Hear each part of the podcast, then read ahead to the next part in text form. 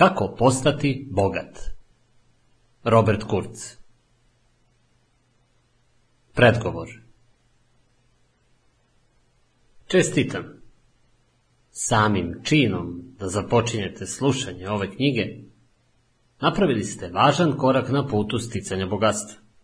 Šta više, trenutno se nalazite na poziciji znatno ispred one na kojoj su bila većina bogataša pre započinjanja svojih karijera. Za razliku od vas, oni nisu imali putokaze. Mnogi su se poznati preduzetnici mučili pre nego što su pronašli puteve koji su im doneli bogatstvo. Nije bilo knjige poput ove koja bi im dala znanja potrebna za ostvarivanje snova. Nije slučajnost što slušate ovu knjigu. Pozitivno razmišljanje deluje na samo 5% populacije koje ga proba. Životno iskustvo i uspeh ono je što ljude čini bogatima. I vi možete da počnete da se bogatite, već danas. Najlakši i najbrži način da zaradite novac jeste da jednostavno krenete napred. Poslušajte celu audio knjigu Kako postati bogat. Odbacite svoje predrasude. Zaboravite na predrasude drugih ljudi. Razmišljajte za sebe. Donesite sobstvene zaključke. Sačekajte dok ne poslušate čitavu knjigu. Pažljivo je, poslušajte, preporučljivo i nekoliko puta. Nemoguće je shvatiti je uz buku, radio ili televiziju i bez potpune koncentracije. Odredite dan ili vikend kada ćete je u miru detaljno proučiti. Jer posvetiti jedan dan planiranju svog života vrednije od godine neplaniranog rada. Prvi deo. Zašto postati bogat? Šta se dogodilo sa osobom kakvom ste nekad sanjali da ćete postati? Većina ljudi upadne u zamku rutinskog posla koji ostaje isti iz godine u godinu. Nekad osobe pune života tako postanu zarobljene u rutinskoj stvarnosti. Uobičajeno je da osoba pati u tihoj frustraciji, zaboravljajući na kreativnu i bogatu osobu kakvom je nekad sanjala da će postati.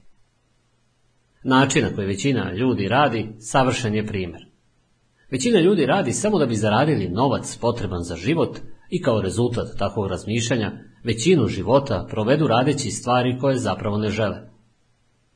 Obzirom da posao koji rade nije deo njih, ne mogu ga voleti i osjećati, jer posao nije deo njih. Čim ne vole svoj posao, postaje im dosadan i mrze svaki trenutak proveden u radu. Uz puno sreće, pod uslovom da im ostane novaca i zdravlja, tek će u penziji moći da ostvare neke od svojih snova, uz gorak osjećaj da su propustili najbolje godine svog života. U životu ne postoji takva stvar kao što je besplatan ručak. Ne očekujte stoga da vam bilo šta padne s neba.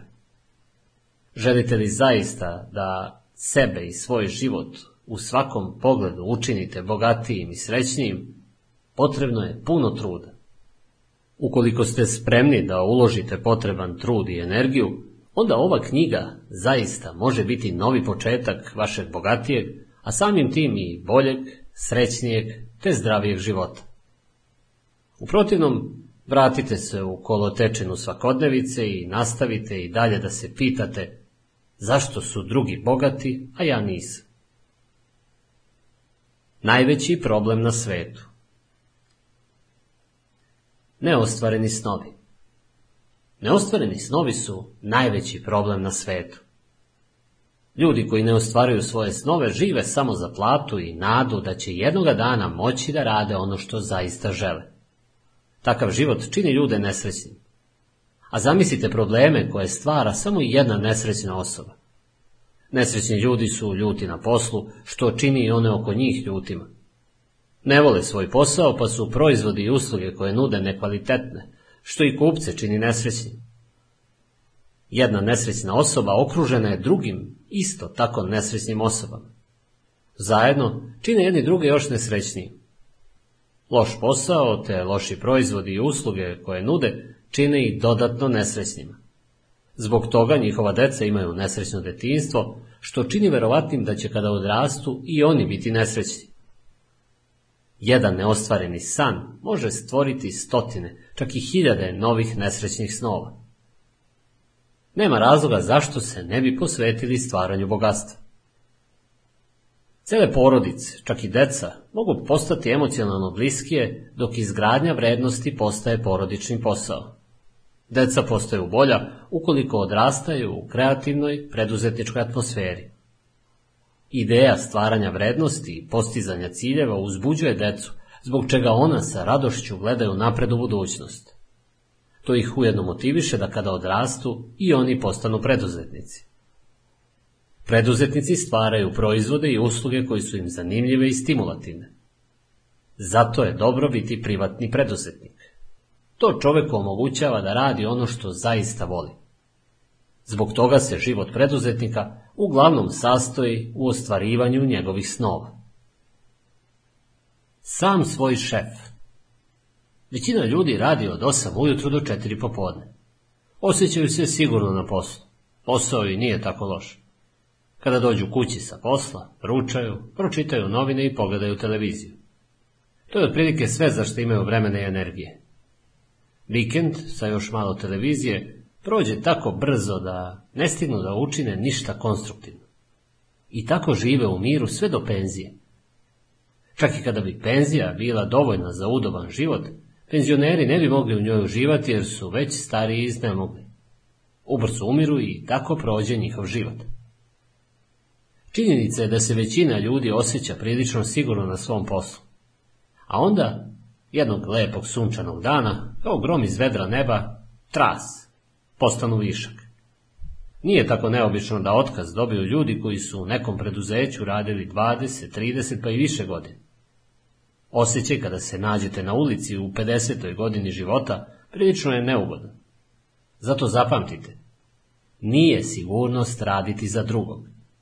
Jedina sigurnost je raditi za sebe. Biti sam svoj šef. To je pogodnost koju imaju preduzetnici.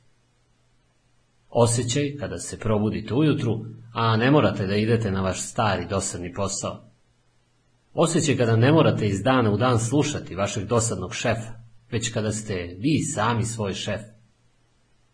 To je ono zbog čega vredi biti privatni preduzetnik, a ujedno i jedan od razloga zbog kojeg se ljudi odlučuju da krenu u sobstveni biznis.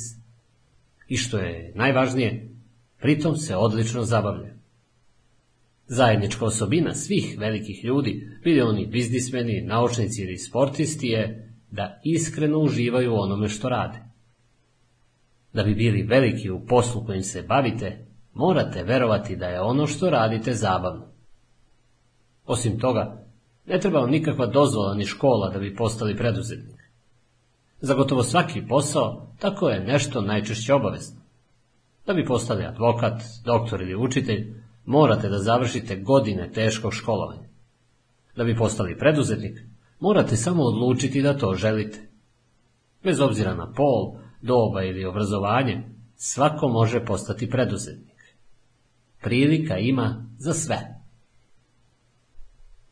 Finansijska nezavisnost Ljudi se često pitaju da li su bogati ljudi srećni.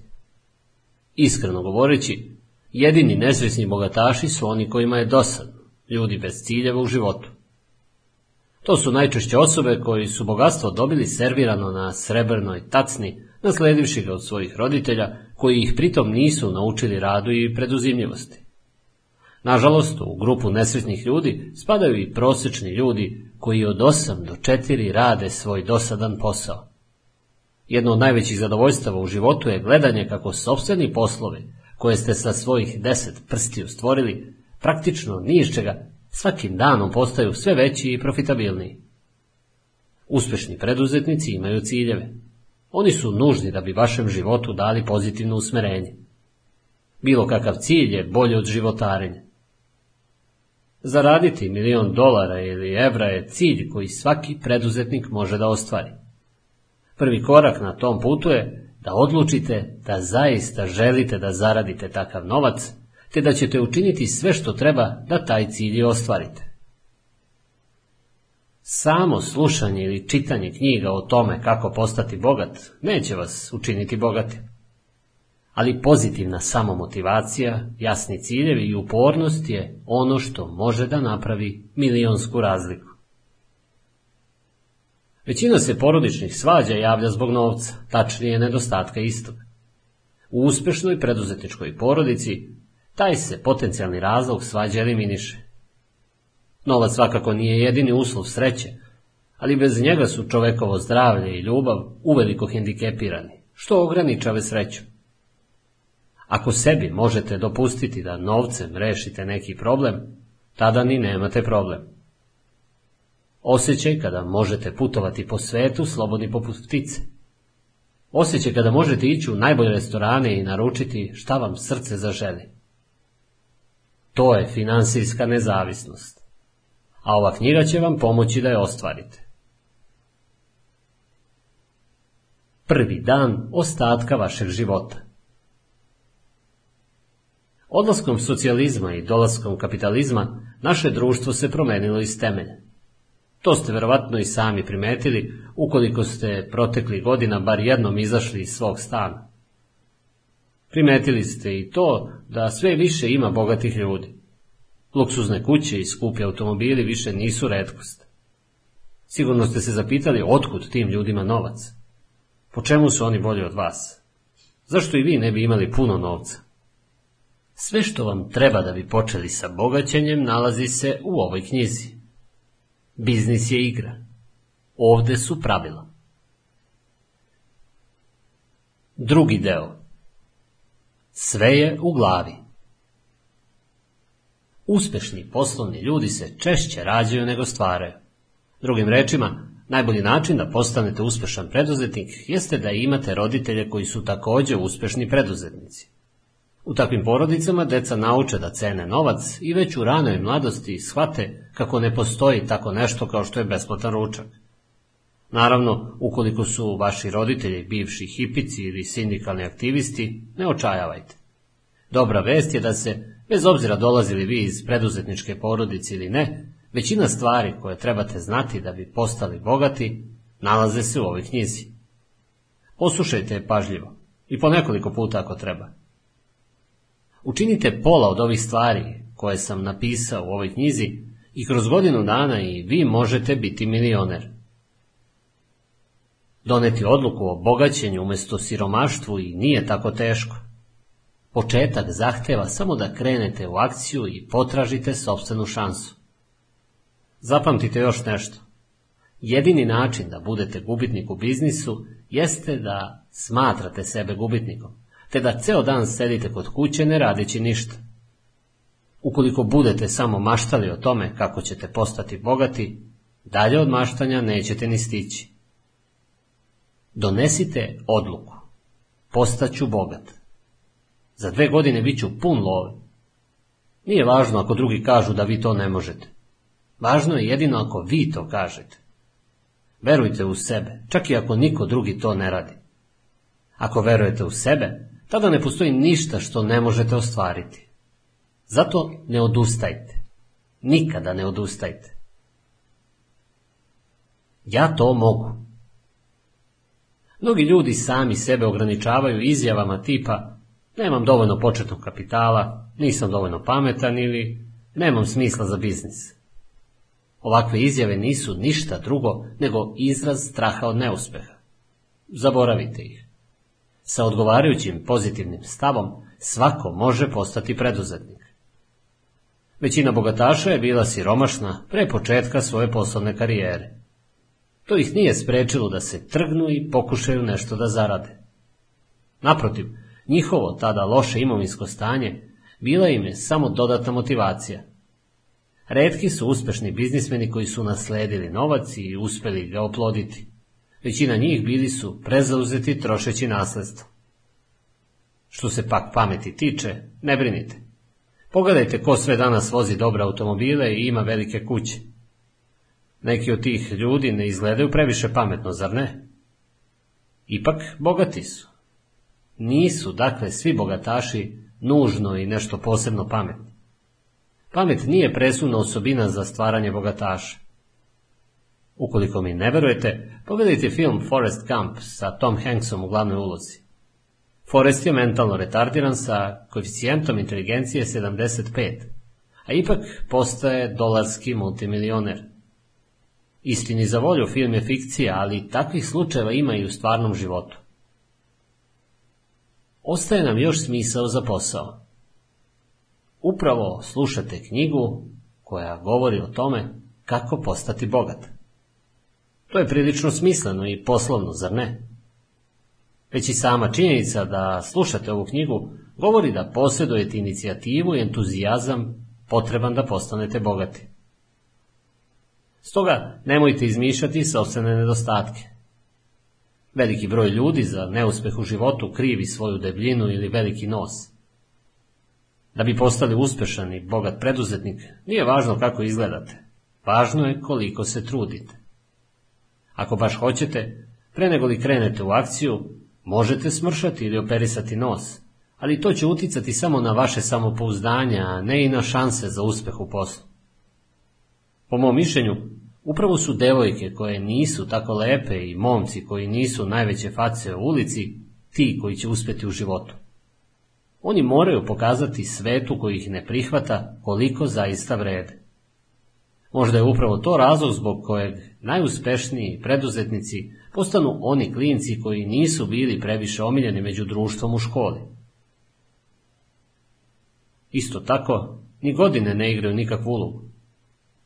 Steve Jobs i Steven Wozniak bili su još tinejdžeri kada su u garaži napravili prvi Apple računar.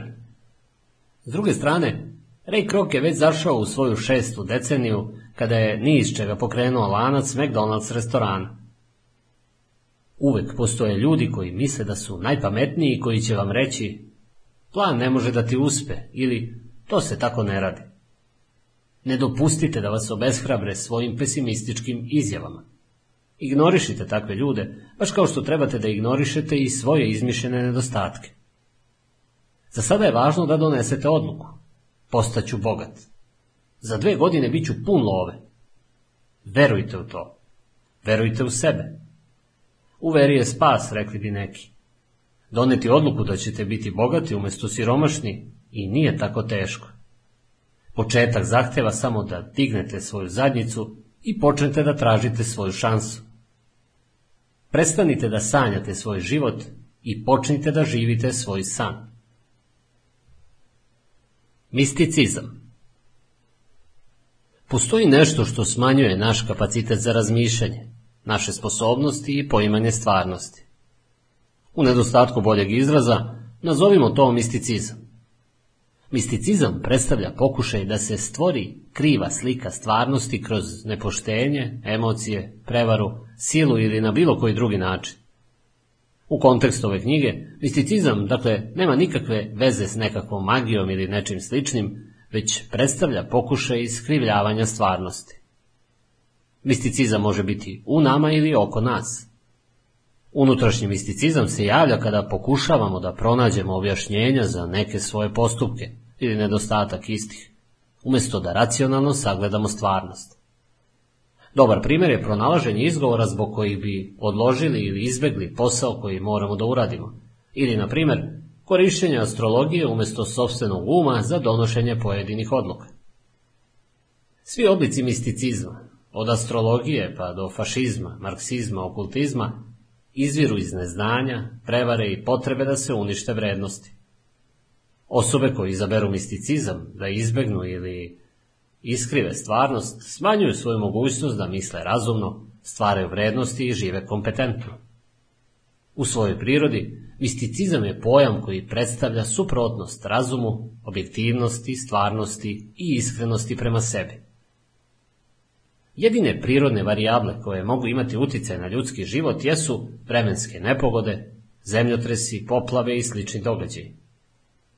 Ostale prirodne varijable kao što su elektromagnetne sile ili odnosi između planeta nemaju utjecaj ni na čiji život, osim štetnih psiholoških utjecaja koje mogu imati na one koji dozvole da njihovo razmišljanje i akcije budu ograničene takvim nezrelim verovanjima. Horoskopi su jedan od misticizama koje trebate da ignorišete. Zvezde ne određuju da li je neki dan dobar za vas ili nije. Znak pod kojim ste se rodili nema nikakve veze s vašim karakterom, srećom u ljubavi ili sposobnošću da postanete preduzetnik te da se obogatite. Prihvatanje mitova poput astrologije umanjuje čovekovu sposobnost razmišljanja, te tako smanjuje njegovu ličnu moć, produktivnost, finansijsko stanje i dugoročnu sreću.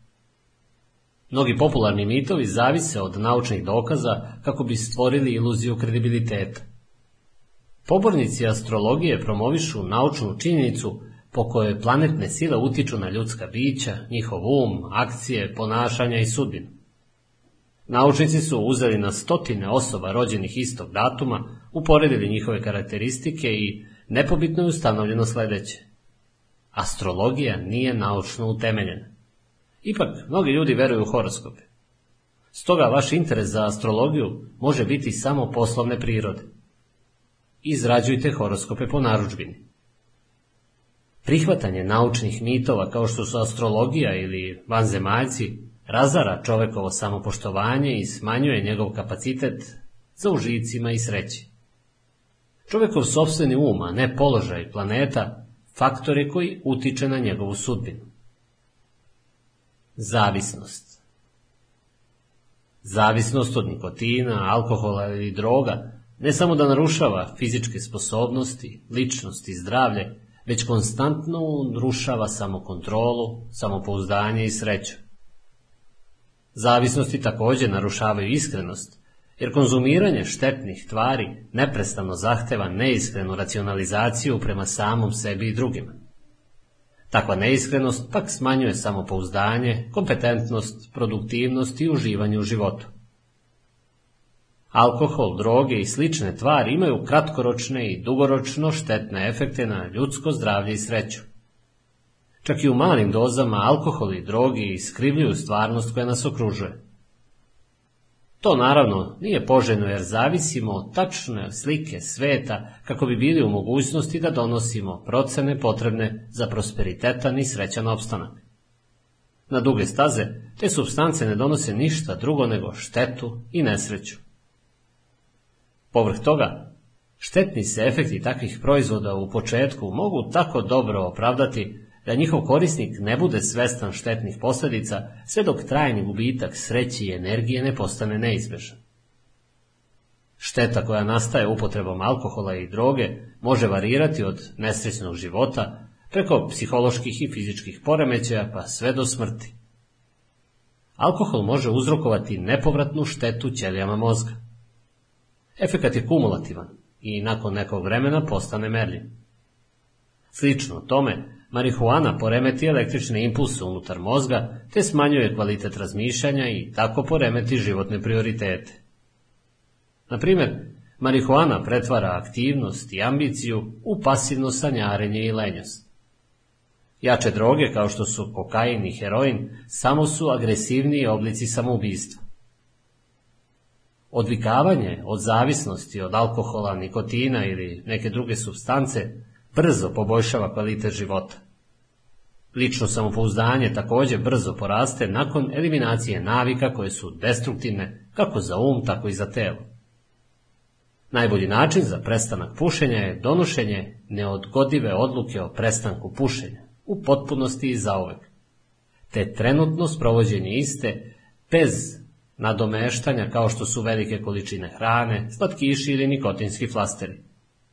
Osoba koja koristi te zamenske stvari, vrlo verovatno će se pre ili kasnije vratiti pušenju. Odluka mora biti nepovratna i beskompromisna. Uspeh je najbolja osveta. Zavidnost je želja za uništavanjem vrednosti koje su stvorile ili stekle druge osobe.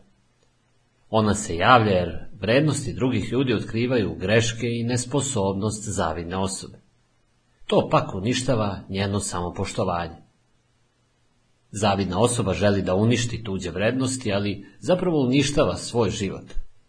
Ljudi koji razviju zavidnost čine to na svoju štetu, jer time na kraju sami sebi nanose zlo i donose nesreću. Glavni uzroci zavidnosti su neiskrenost prema samom sebi i lenjost. Iz straha i zlobe Ljudi koji zavide moraju napadati vrednosti stečene od strane drugih osoba. Tuđe materijalne i nematerijalne vrednosti čine zavidnu osobu svesnom sobstvene neuspešnosti. One otkrivaju šta zavidnoj osobi nedostaje i čine je svesnom njene sobstvene nesposobnosti da živi srećan život. Kao rezultat toga, zavidna osoba mrzi uspešne osobe, iako zapravo želi da bude kao i oni. Savet je jednostavan. Koncentrišite se na sebe i neka vas previše ne zamaraju uspesi ili imovina drugih ljudi. Svaki čovjek, ma kako dobar bio, tokom života sakupi određenu količinu neprijatelja. Toga se ne treba stideti. Iako će mnogi teško prihvatiti savet da oproste svojim neprijateljima, najbolje rješenje je jednostavno zaboraviti na njih. Pravu osvetu možete ostvariti jedino ne dopustivši svojim neprijateljima da budu uzrok vašeg samouništenja. Želite li da znate koja je najbolja osveta? To je vaš uspeh na svim životnim poljima. To je najbolja osveta onima koji vam ne žele dobro. I bogati plaču.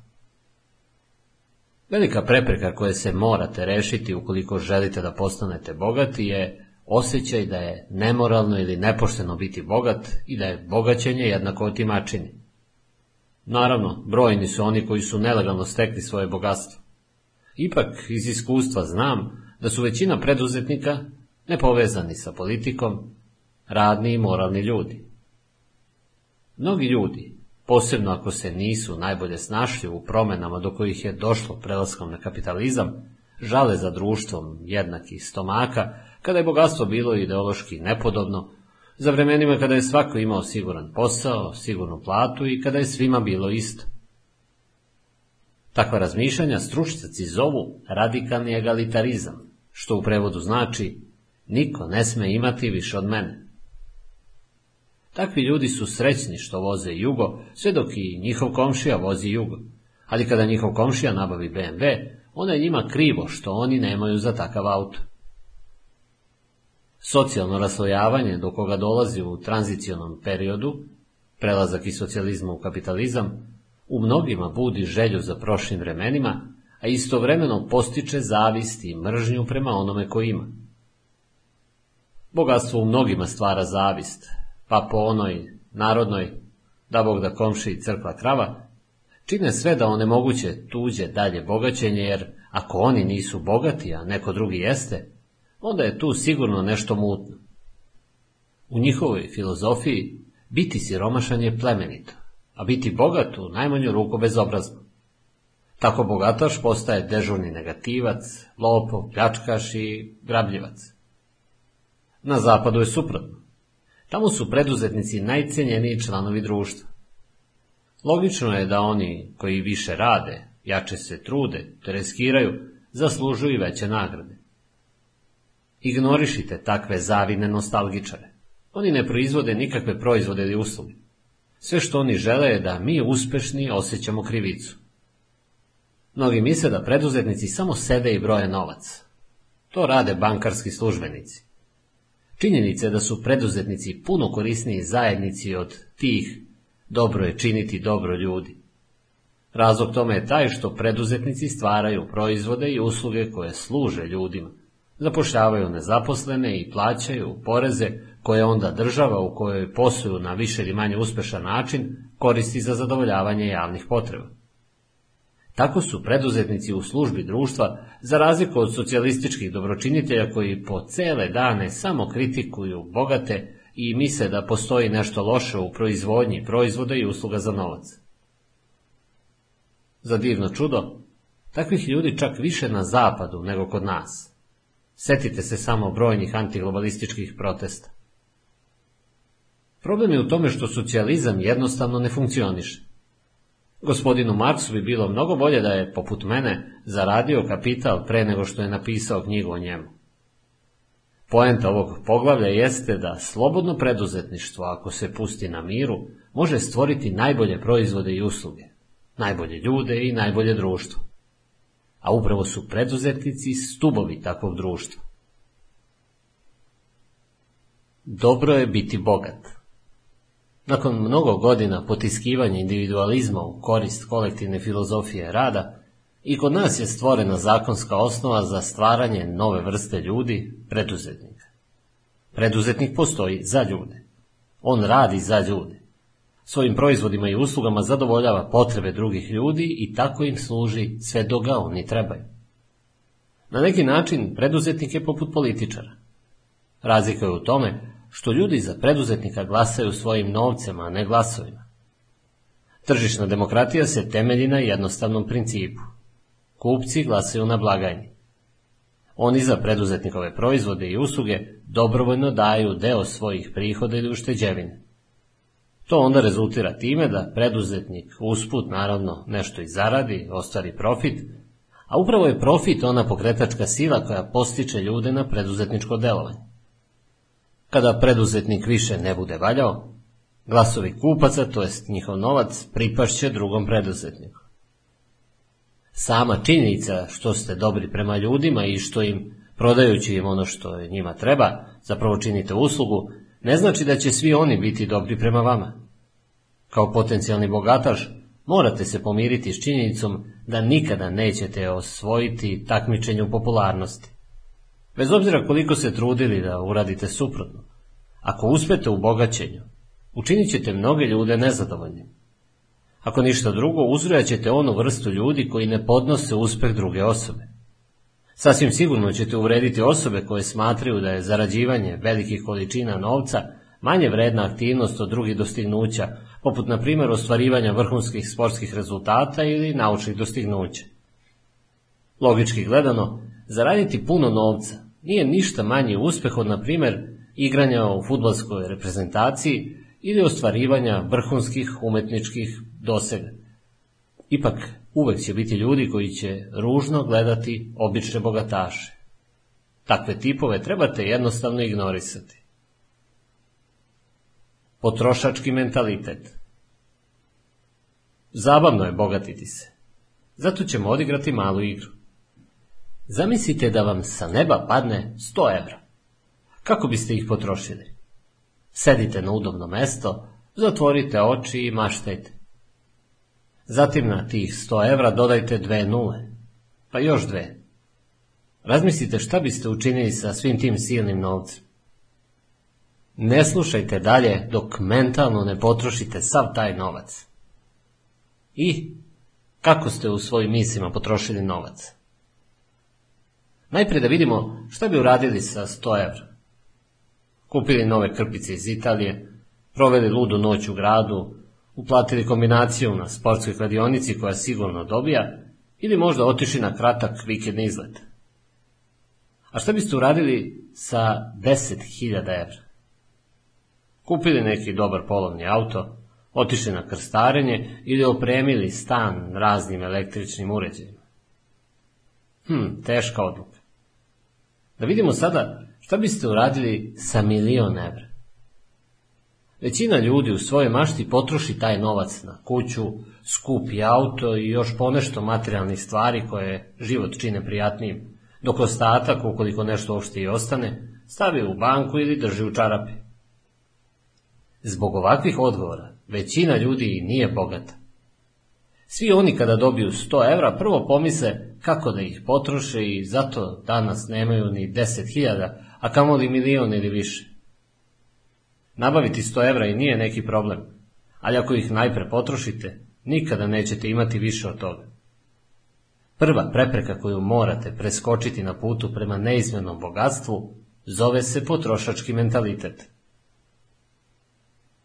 Setite se jednog starog crtanog filma iz serijala o profesoru Baltazaru. Glavni lik je beskućnik kome neko daruje jabuku. On je opere, uglanca i proda, te za dobijeni novac kupi dve jabuke. Zatim proda i te dve jabuke, pa kupi četiri nove. Do sredine crtanog filma naš junak je posjedovao plantažu jabuka, lanac prodavnica jabuka i mnoštvo kamiona za transport istih. Da je pojao prvu jabuku koju je dobio, i dalje bi zavisio od tuđe milosti. Kao što kaže Sokrat, želja za posjedovanjem je beskonačna. Postoje dva načina na koji možete rešiti taj problem. Smanjiti vaše želje ili povećati vaše prihode. Najbolje je učiniti oboje. Umjesto maštanja o tome kako ćete potrošiti novac, postavite sebi sljedeća pitanja. Prvo, koje proizvode mogu da proizvedem?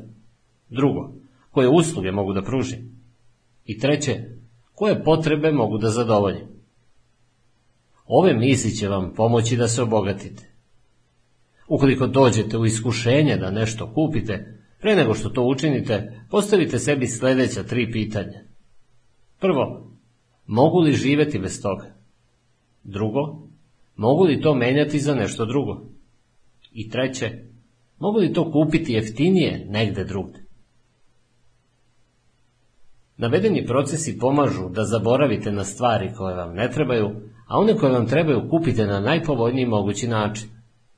U praksi, gotovo svaki proizvod ili uslugu moguće je kupiti ispod njihove maloprodajne cene. Sve što vam treba je malo razmišljanja i truda. U početnoj fazi vašeg bogaćenja svaki zarađeni novčić uložite u posao, a trošite samo na stvarno neophodne stvari. Benjamin Franklin, jedan od najbogatijih ljudi kolonijalne ere, shvatio je suštinu stvari. Dok je kao mladić radio u štampariji, primetio je kako njegove kolege za vreme radnog vremena mnogo puše i popiju i po nekoliko flaša piva. Ben je pio vodu i radio preko vremena.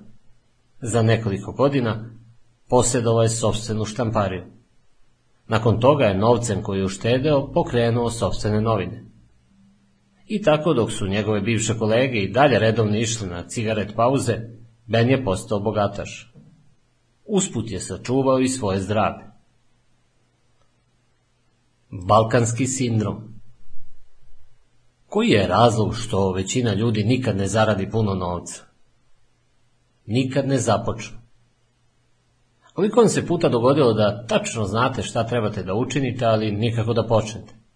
Jednostavno morate pre toga odgledati najnoviju epizodu neke latinoameričke serije. Zaista, kada pogledate probleme radnika na brazilskim plantažama 19. veka, vaš život se i ne čini tako loši. Osjećate se umornim, pa trošite vreme na nepotrebne stvari. I tako, sat po sat, danu dođe kraj. Ujutru se probudite sa osjećajem krivice što prethodnog dana niste uradili sve ono što ste trebali odlučite da se bacite na posao. Ali pre toga obavezno morate skoknuti do kioska po najnovije trač novine ili kutiju cigareta. Ukoliko tog dana i započnete sa radom, kroz par sati ste opet koncentrisani te odlučite da odgodite celu stvar za sutra. Problem? Sutra se ista stvar ponavlja. Ovakav način ponašanja naziva se balkanski sindrom. Njegovom žrtvom postaje se najčešće već u osnovnoj školi i od tada neretko postaje doživotni pratilac. Životni moto obolelih od balkanskog sindroma je svoj posao uvali drugome.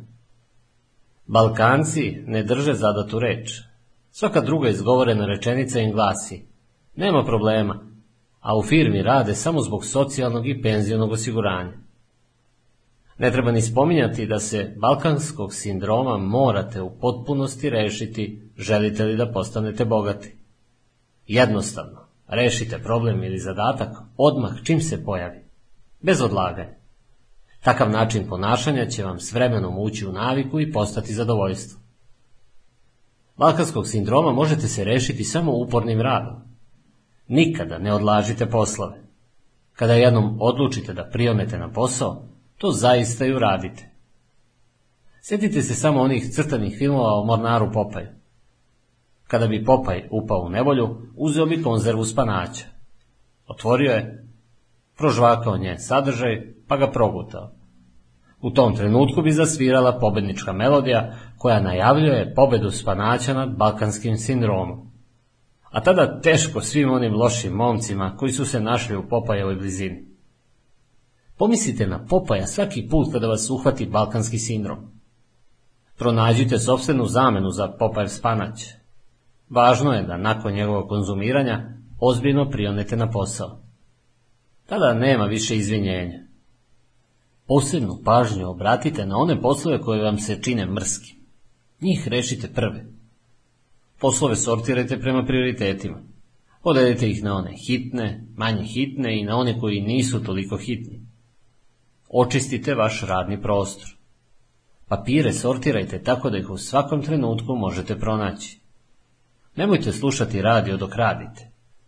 Iako se to na prvi pogled ne čini, radio vas ometa u poslu i nosi tok vaših misli u pogrešnom pravcu.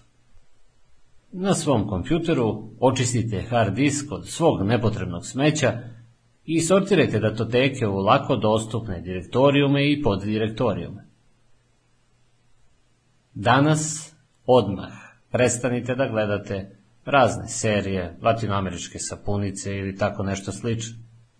Nikada nećete imati novca kao glavni bogataš u nekoj od tih serija ako budete po ceo dan buljili u ekran. Gledajte samo one emisije i serije koje su edukativne, koje vas mogu inspirisati i koje su vezane uz vaše ciljeve, poslovne interese i planove. Ukratko, prestanite da gubite vreme. Zaista, ima li većeg zločina od izgubljenog vremena? Osobine uspešnih preduzetnika Najpre da razjasnimo ko je preduzetnik. Iako nikada nisam volao definicije, dve od njih kažu sledeće. Preduzetnik je osoba koja kombinuje različite ekonomske elemente, donosi odluke i preuzima rizik, a rezultat je dobit, profit zarada. I druga, preduzetnik je osoba koja obavlja delatnost s ciljem postizanja dobiti. U najširem shvatanju, preduzetnik je vlasnik, menadžer, osnivač, pokretač novih projekata, nosilac rizika i šansi, vizionar. Preduzetnik je generator promena, novih ideja i inicijativa, što ga čini bitno drugačijim od ostalih ljudi. Preduzetnik radi nešto dobro, lepo i kreativno. Svetu nudi svoje proizvode i usluge i na taj način sve čini srećnima. Srećni su ljudi koji kupuju ono što on nudi, a srećan je on sam jer za to dobija novac. I ne stidi se da ga uzme, jer je taj novac pošteno zaradio. Svaki preduzetnik voli svoj posao, koji je puno zabavniji i dinamičniji od rintanja u nekoj levoj firmi. Ukoliko baš i ne posjedujete nabrojene karakteristike, Težite ka tome da ih dostignete. One su siguran put do uspeha. Preduzetnik je, dakle, proizvođač konkurentnih vrednosti sa sledećim karakteristikama. Ambiciozan. Cilja na velike stvari. Ažuran. Njegov moto je ono što mogu da učinim danas ne ostavljam za sutra. Društven. Preduzetnik ima mnogo prijatelja. Nikada ne ogovara druge, pa zato drugi ne ogovaraju njega. Fleksibilan. Ne boji se promena. Hrabar.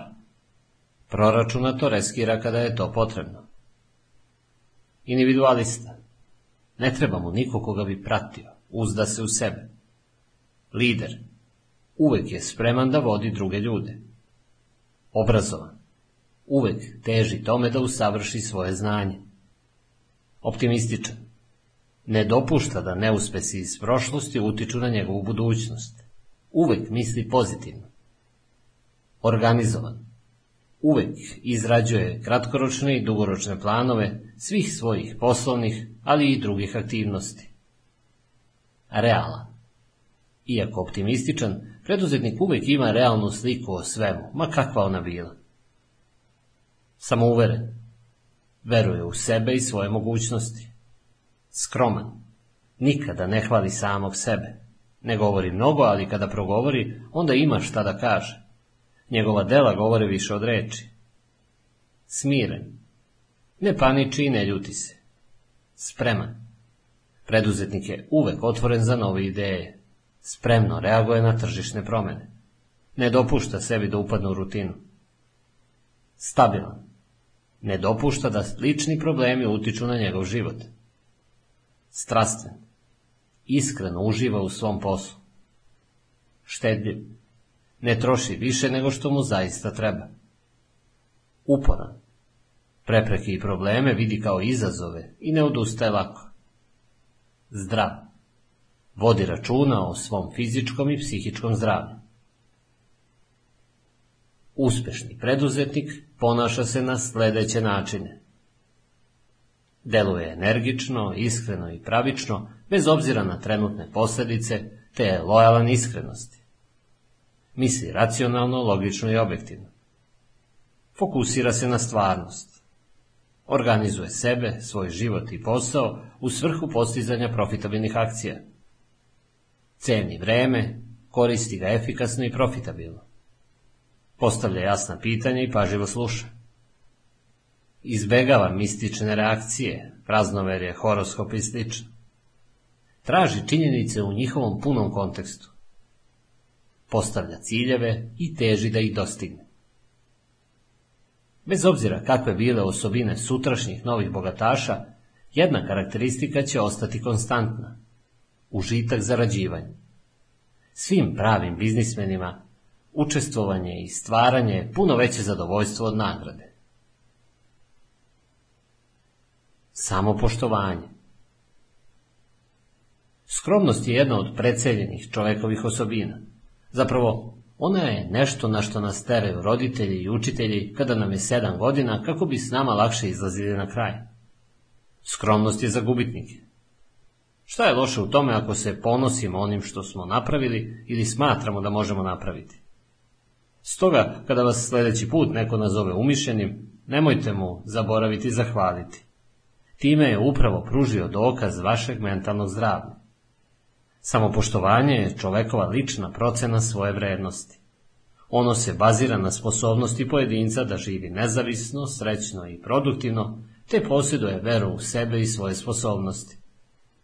Samopoštovanje je emocija zbog koje se osjećate dostojni i sposobni života na ovom svetu, Emocija koja vam omogućava da imate kontrolu nad svojim životom. Bez samopoštovanja nikada nećete postići velike stvari u životu. Što je vaše samopoštovanje veće, to ćete lakše izlaziti na kraj sa sobom i sa drugima, te postizati više u životu. Mislite pozitivno. Objektivan strah je vredan mehanizam zaštite. Suprotno tome, Iracionalni strah je destruktivan, jer sprečava osobu na preduzimanje akcije. Na sreću, parališući efekat iracionalnog straha može biti prevladan sa direktnim, svesnim trudom. Na primjer, preduzmete li racionalnu akciju koje se bojite, iako stvarno opasnosti nema, taj strah će nestati. Iracionalan strah može da stvori neaktivnost koja sprečava inače vredne, produktivne ljude da razvijaju blagostanje i sreću. Neustrašivi život je emocionalno i finansijski najisplativija karakterna crta koju poštena, produktivna osoba može da razvije. Optimizam je još jedan ljudski kvalitet koji uvek donosi dobre rezultate. Da li ste ikada doživjeli da pesimista napravi nešto zaista dobro? Osim toga, niko sebe ne naziva pesimistom. Pesimisti sebe uvijek zovu realistima. Optimizam predstavlja samo odbranu. Na realnosti bazirano verovanje kako su naše sposobnosti jače od prepreka koje bi nas mogle nadvladati. Upravo je to stvar koja se traži da bi se obavio težak zadatak. Kako uopšte možete uspeti ako ne mislite da možete napraviti ono što je, kako se pretpostavlja, neizvodljivo? Kako u sportu, tako i u životu, vrhunski igrači su uvek uvereni da mogu biti junaci, čak i ako o tome ne viču na sva usta. I to se vidi. Iz takvih ljudi zrači osjećaj samopouzdanja. Nemojte dopustiti da se u vama ugasi optimizam. On je neuporedivo produktivniji od pesimizma. Nepotrebno starenje Kako ljudi postaju stariji, njihovi pogledi na život često postaju negativni. Njihove nade i snovi padnu u vodu. Kako stare, konstantno gube kapacitet da iskuse radosti koje nudi život. Njihovo očekivanje od života konstantno se smanjuju dok smrt postaje sve neizbežnije. Na sreću, to ne mora biti nužno tako. Za većinu ljudi životna zadovoljstva nepotrebno nestanu sa godinama. Bezrazložno se predaju mitu po kojem stariji ljudi trebaju žrtvovati sebe, svoje karijere i živote kako bi napravili mesta za mlađe. Sa takvom predajom čovekova sreća tamni. Istina je suprotna. Sva produktivna ljudska bića mogu iskusiti konstantno povećanu sreću i kvalitet života sa godinama, na način da povećavaju svoje znanje, rasti i iskustvo. Zanemarujući čovekovu odgovornost za postizanje sreće, ljudi dopuštaju da njihova budućnost krene nizbrdo.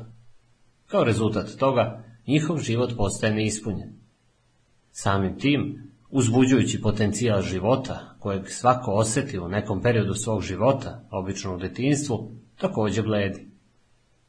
Prekid psihičkog rasta je jedinstveni ljudski fenomen koji uključuje prekid psihološkog rasta i stagnaciju ljudske psihe, često i u mlađoj dobi, ponekad i pre nego što ljudsko telo dostigne zrelost. Suprotno popularnom mišljenju, za razliku od tela, ljudska psiha nema kapacitet starenja. Ona nikada ne treba da prestane da raste. Prepustiti svoju psihu odumiranju ili težiti ka njenom rastu uvek predstavlja dobrovoljni izbor svakog pojedinca. Preduzetnički žar Najvažnija sposobnost preduzetnika je ona koju nazivamo preduzetnički žar. Njegovo paljenje obično je propraćeno onim osjećajem u želucu koji vam govori da ste na pragu prave stvari. Evo primjera. Kada običan čovek gleda limun, on vidi limun. Kada preduzetnik gleda limun, on u početku takođe vidi limun. Ali odjednom mu se upali sijalice i više ne vidi samo limun. Sada vidi limunadu. I to ne bilo kakvu limunadu, već limunadu u šarenoj čaši iz koje viri mali suncobran. Limunadu spremnu za prodaju. Ne samo jednu limunadu, već stotine ili hiljade limunada. To je način na koji razmišlja svaki uspešan preduzetnik. To je način na koji i vi trebate da razmišljate. Moja preduzetnička sijalica radi preko vremena. Pregreva se i, ruku na srce, čudi me što još uvek nije pregorela. Neki ljudi se rode sa preduzetničkom žudnjom i preduzetničkim žarom u serijskoj opremi. Drugima treba neko vreme da je steknu. Posmatrajte svet oko sebe, ljude, njihovo ponašanje, način razmišljanja. Pre ili kasnije upalit će vam se preduzetnička sijalica i rodit će vam se ideja za posao. Gledajući limunadu tamo gde drugi vide limun, ući ćete u novu dimenziju razmišljanja. Gledat ćete preduzetničkim očima i prilike će stizati same od sebe. Treći deo. Bogatstvo. Teorija. Iako je proteklo vreme zauvek za nama, ono nam ipak nudi vredna iskustva i spoznaje koje možemo da upotrebimo da poboljšamo svoju sadašnjost i budućnost. Međutim, mnogi ljudi troše previše vremena živeći u prošlosti. Često sputavaju svoj potencijal i budući razvoj razmišljajući o prošlosti. Oni koji postižu dugoročni prosperitet svesni su iskustava i znanja stečenih u prošlosti. Međutim, oni žive u sadašnjosti i misle na budućnost. Ljudi me ponekad pitaju, da li si zaista srećan? Iskreno govoreći, jedini nesrećni ljudi koje sam sreo su oni kojima je dosadno. Ljudi bez ciljeva u životu. Za mene nema većeg zadovoljstva u životu od gledanja kako moji poslovi, koje sam sa sobstvenih deset prstiju stvorio praktično ni iz čega, svakim danom postaju sve veći i profitabilniji. Uspešni preduzetnici imaju ciljeve. Oni su nužni da bi vašem životu dali pozitivno usmerenje. Bilo kakav cilj je bolji od životarenja. Zaraditi svoj prvi milion je cilj koji svaki preduzetnik marljivim radom i čeličnom voljom može da ostvari. Prvi korak na tom putu je da odlučite da zaista želite da zaradite toliki novac, tako da ćete učiniti sve što treba da taj cilj i ostvarite. Samo čitanje ili slušanje knjige o tome kako postati bogat neće vas učiniti bogati.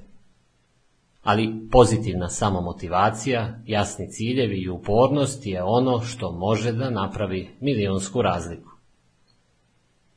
Čovek sa planom Osim ako ste pacifista, poslu uvek prionite kao da se radi o ratu. A to uključuje dobar ratni plan.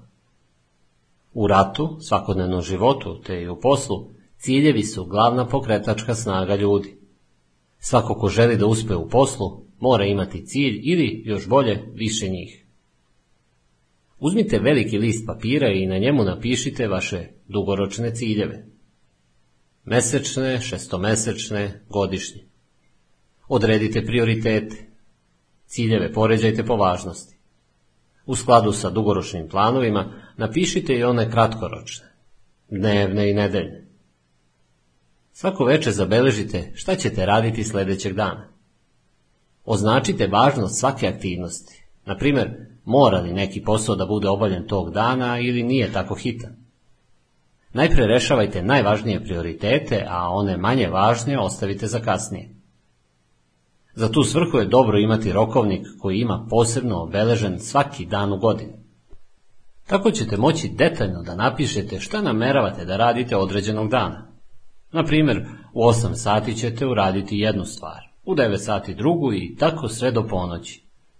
Za početak poslužit će i običan rokovnik kakav neka preduzeća poklanjaju svojim poslovnim partnerima. Nemojte da se obeshrabrite ukoliko ne ostvarite sve zapisane ciljeve.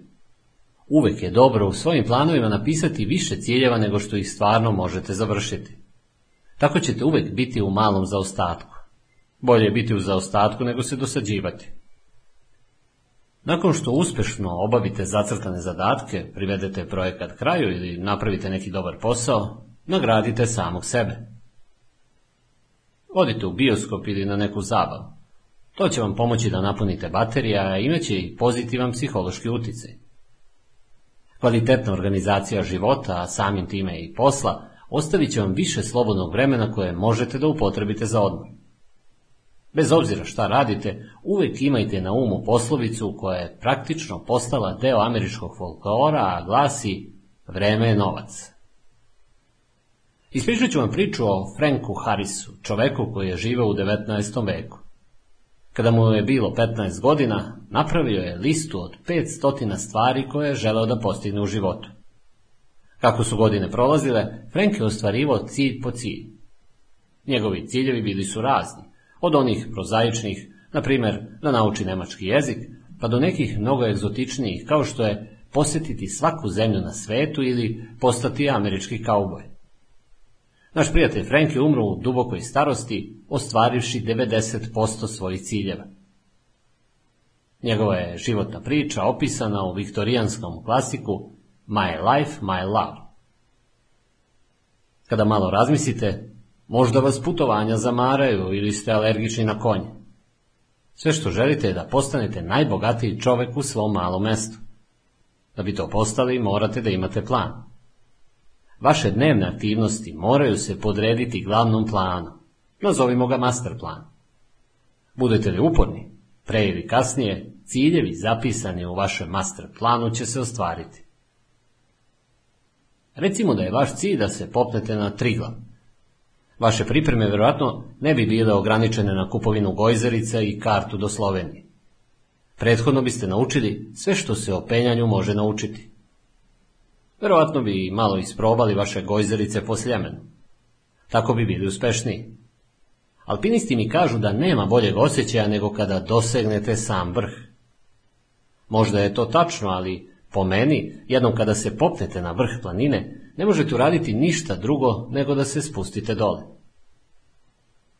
Za mene lično nema boljeg osjećaja od financijske slobode. Zato sam ja radije trošio svoje vreme na to da postanem jako, jako bogat. I uspeo sam. Radite ono što volite.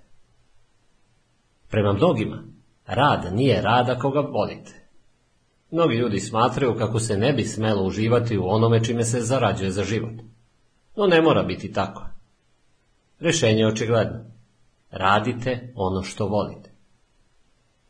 Biti preduzetnik nije samo unosno, može da bude i zabavno. Zabavno je gledati kako se posao koji ste sami pokrenuli od nule razvija i raste. Zabavno je brojati zarađeni novac. Zabavno je da postanete čovek o kakvom ste sanjali. Svet je pun ljudi koji rade ono što žele i vole, te tako prilično dobro zarađuju. To se ne odnosi samo na atraktivne poslove kao što su gluma, pisanje ili spašavanje beloglavih supova. Trik je sljedeći. Ako nešto volite, možete postići da vam se to ujedno isplati, bez obzira čime se bavili. Zajednička osobina svih velikih ljudi, bili oni biznismeni, sportisti ili vrhunski profesionalci, jeste da iskreno uživaju onome što rade. Da bi čovjek bio veliki u poslu kojim se bavi, mora verovati da je ono što radi zabavno. Osim toga, preduzetnici za svoj biznis obično uzimaju područje koje vole i u koje se razumeju. Nije redkost da hobi postane izvor zarade. Tako spajate lepo sa korisnim i stvarate posao u kojem možete dati 100% sebe i svojih interesa. Kopirajte zapad. Mnogi veruju kako je lakše da se obogatite na zapadu. Ukoliko radite za druge ljude, onda je to zasigurno tačno. Razlog je jednostavan. Plate su veće. Čak i kada odbijete visoku cenu stanovanja i ostale životne troškove, na kraju mjeseca će vam ostati više novca ako radite preko. Međutim, u smislu ozbiljnog novca i zadovoljstva samim sobom, to često nije dovoljno. S druge strane, pokrećete li sobstveni biznis, puno je lakše obogatiti se u Hrvatskoj nego, na primjer, u Americi ili Njemačkoj. U tim zemljama preduzetnici su izmislili gotovo sve što se izmisliti dalo. Tržište je razvijeno, tržišnih praznina je veoma malo, a ulazak u neko od njih je svakim danom sve skuplji i skuplji. Kod nas se, s druge strane, još uvijek nudi tek mali deo proizvoda i usluga dostupnih u inostranstvu, a u većinu tržišnih rupa moguće ući relativno brzo i bez većih ulaganja jerilskim načinom. Konkurenciju u mnogim delatnostima nema ili je ona slaba, a uprkos niskom životnom standardu, kupci su željni novotarija sa zapada i na njih su spremni da potroše novac. Tu leži vaša šansa. Ne morate da izmišljate toplu vodu. Dovoljno je samo da se setite svega onoga što se nudi na stranim tržištima, a ne postoji u Hrvatskoj. Pronađite neki takav biznis i razmislite da li bi u našoj zemlji naišao na plodno tle. Ukoliko je odgovor pozitivan, krenite u akciju. Prilagodite taj posao našim prilikama i svojim mogućnostima. Možete ga čak i unaprediti. Na taj način je Japan, a kasnije i ostali takozvani azijski tigrovi, postao razvijeniji od svojih zapadnih uzora. Princip njihovog rada je bio sljedeći. Amerikanci su nešto izmislili. Japanci su to smanjili, a Kinezi ili Koreanci napravili jeftini. S vremenom, Azijati se više nisu zadovoljavali samo pukim oponašanjem svojih uzora, već su prešli i na unapređivanje nekada oponašanih uzora. Njihovo ekonomsko čudo se temelji na oponašanju, a upravo je oponašanje početak kreativnosti. Vreme koje bi im bilo potrebno da kopiraju neki zapadni proizvod često nije bilo puno duže od vremena potrebnog za let od Tajvana i nazad. S vremenom su se usavršavali, pa su danas japanska, a često korejska i tajvanska preduzeća često inovativnije od nekadašnjih uzora. Od pizzerije, specijalizovane za dostavu na kućnu adresu preko print shopova, fitness centara i mail ordera, prodaje sprava za jačanje trbušnih mišića, pa sve do velikih shopping centara, radi se o poslovima koji su već decenijama uspješni u inostranstvu, dok su kod nas prisutni tek neku godinu. Sve te ideje su uvezene sa zapada. Njihovi uvoznici su ubrzo postali bogati ljudi. Neistraženih poslovnih mogućnosti, kakvim su do nedavno bile gore nabrane, mnogo je, pa bi i vi mogli pronaći neko od njih, te je, uz eventualna prilagođavanja, primeniti i kod nas. Kako do ideje? Pri odabiru ideje za vaš posao nastojte da odaberete one koji imaju potencijal za dalje širenje. Otvorite li neki video klub na uglu vaše ulice, nikada se nećete obogatiti. Možda ćete zaraditi dovoljno za život, ali to nije način na koji se postaje bogat. Ista je stvar na primjeri sa prodavnicom tekstila. Malo kupiš, malo prodaš i malo zaradiš. Ideje možete da crpite sa vaših putovanja u inostranstvo, čitajući strane časopise ili gledajući satelitsku televiziju. Dobar izvor ideja su i vaši hobiji. Jack O'Neill je bio strastveni jahač talasa sa plaža Santa Cruz. Jedan hladan talas bio je dovoljan da mu se upali preduzetnička sijalica, pa da izmisli nepromočivi kombinezon za surfovanje. Danas je njegova kompanija za proizvodnju nepromočivih kombinezona i ostale opreme za suflanje vredna desetine miliona dolara. Momak je zaista ostvario američki san. Brainstorming je jedna od najboljih metoda pomoću koje možete doći do ideje za novi posao. Okupite svoje prijatelje, poznanike i kolege. Opustite se, udobno se smestite i pokušajte da date što veći broj ideja, bilo u usmenom ili u pismenom obliku. Svi predlozi se ravnopravno razmatraju, pa čak i oni neobični, ma kako glupo izgledali. Zajedničkom interakcijom svih učesnika dolazi do zanimljivih, a ponekad i vrlo isplativih ideja, što metodu brainstorminga čini vrlo važnim pristupom rešavanja poslovnih, ali i ostalih problema, pa i onih najtežih. U kriznim vremenima, poput našeg, dobro ide kafićima, noćnim klubovima i sličnim oblicima zabave. Sport, igre na sreću i kozmetika također dobro prolaze. Slično i sa raznim drugim proizvodima koji ljudima omogućavaju beg od stvarnosti. To je jedan od razloga zbog kojih sapunice kod nas imaju tako veliku gledanost. Međutim, važno je da budete brzi. Ukoliko predugo oklevate sa realizacijom vaše ideje, neko drugi će vas prestići. Ipak, pre nego što krenete u realizaciju nekog posla, pokušajte da o njemu saznate što je više moguće. Proučite sve knjige i časopise koji obrađuju tematiku posla kojim se nameravate baviti. Razgovarajte sa ljudima koji se vašim budućim poslom već bave, kod nas ili u inostranstvu. Osim ako im niste direktna konkurencija, oni će vas vrlo rado počastiti kafom i uvesti u tajne zanata, a možda čak i predložiti saradnju. Važno je da u posao ne krenete neinformisani ili, što je još gore, dezinformisani. Pronađite potrebu i zadovoljite. Ako zaista želite da budete bogati, pronađite potrebu i zadovoljite. Navedene reči predstavljaju najvažniji poslovni savjet koji vam bilo ko može dati. Tražite li vrednost za novac uložen u ovu knjigu, pronaći ćete ga u tim rečima. Oni su najbolji poslovni savjet koji vam bilo ko može dati. Zapamtite dobro. Jedini pošteni način na koji možete da se obogatite jeste da pronađete potrebu i da je zadovoljite. Većina bogatstva u proteklih nekoliko vekova je zarađena na taj način. Godine 1853. u Kaliforniji je vladala zlatna groznica. Dok su svi tragali za zlatom, siromašni nemački iseljenik Levi Strauss uvideo je kako kopači zlata nemaju adekvatnu odeću.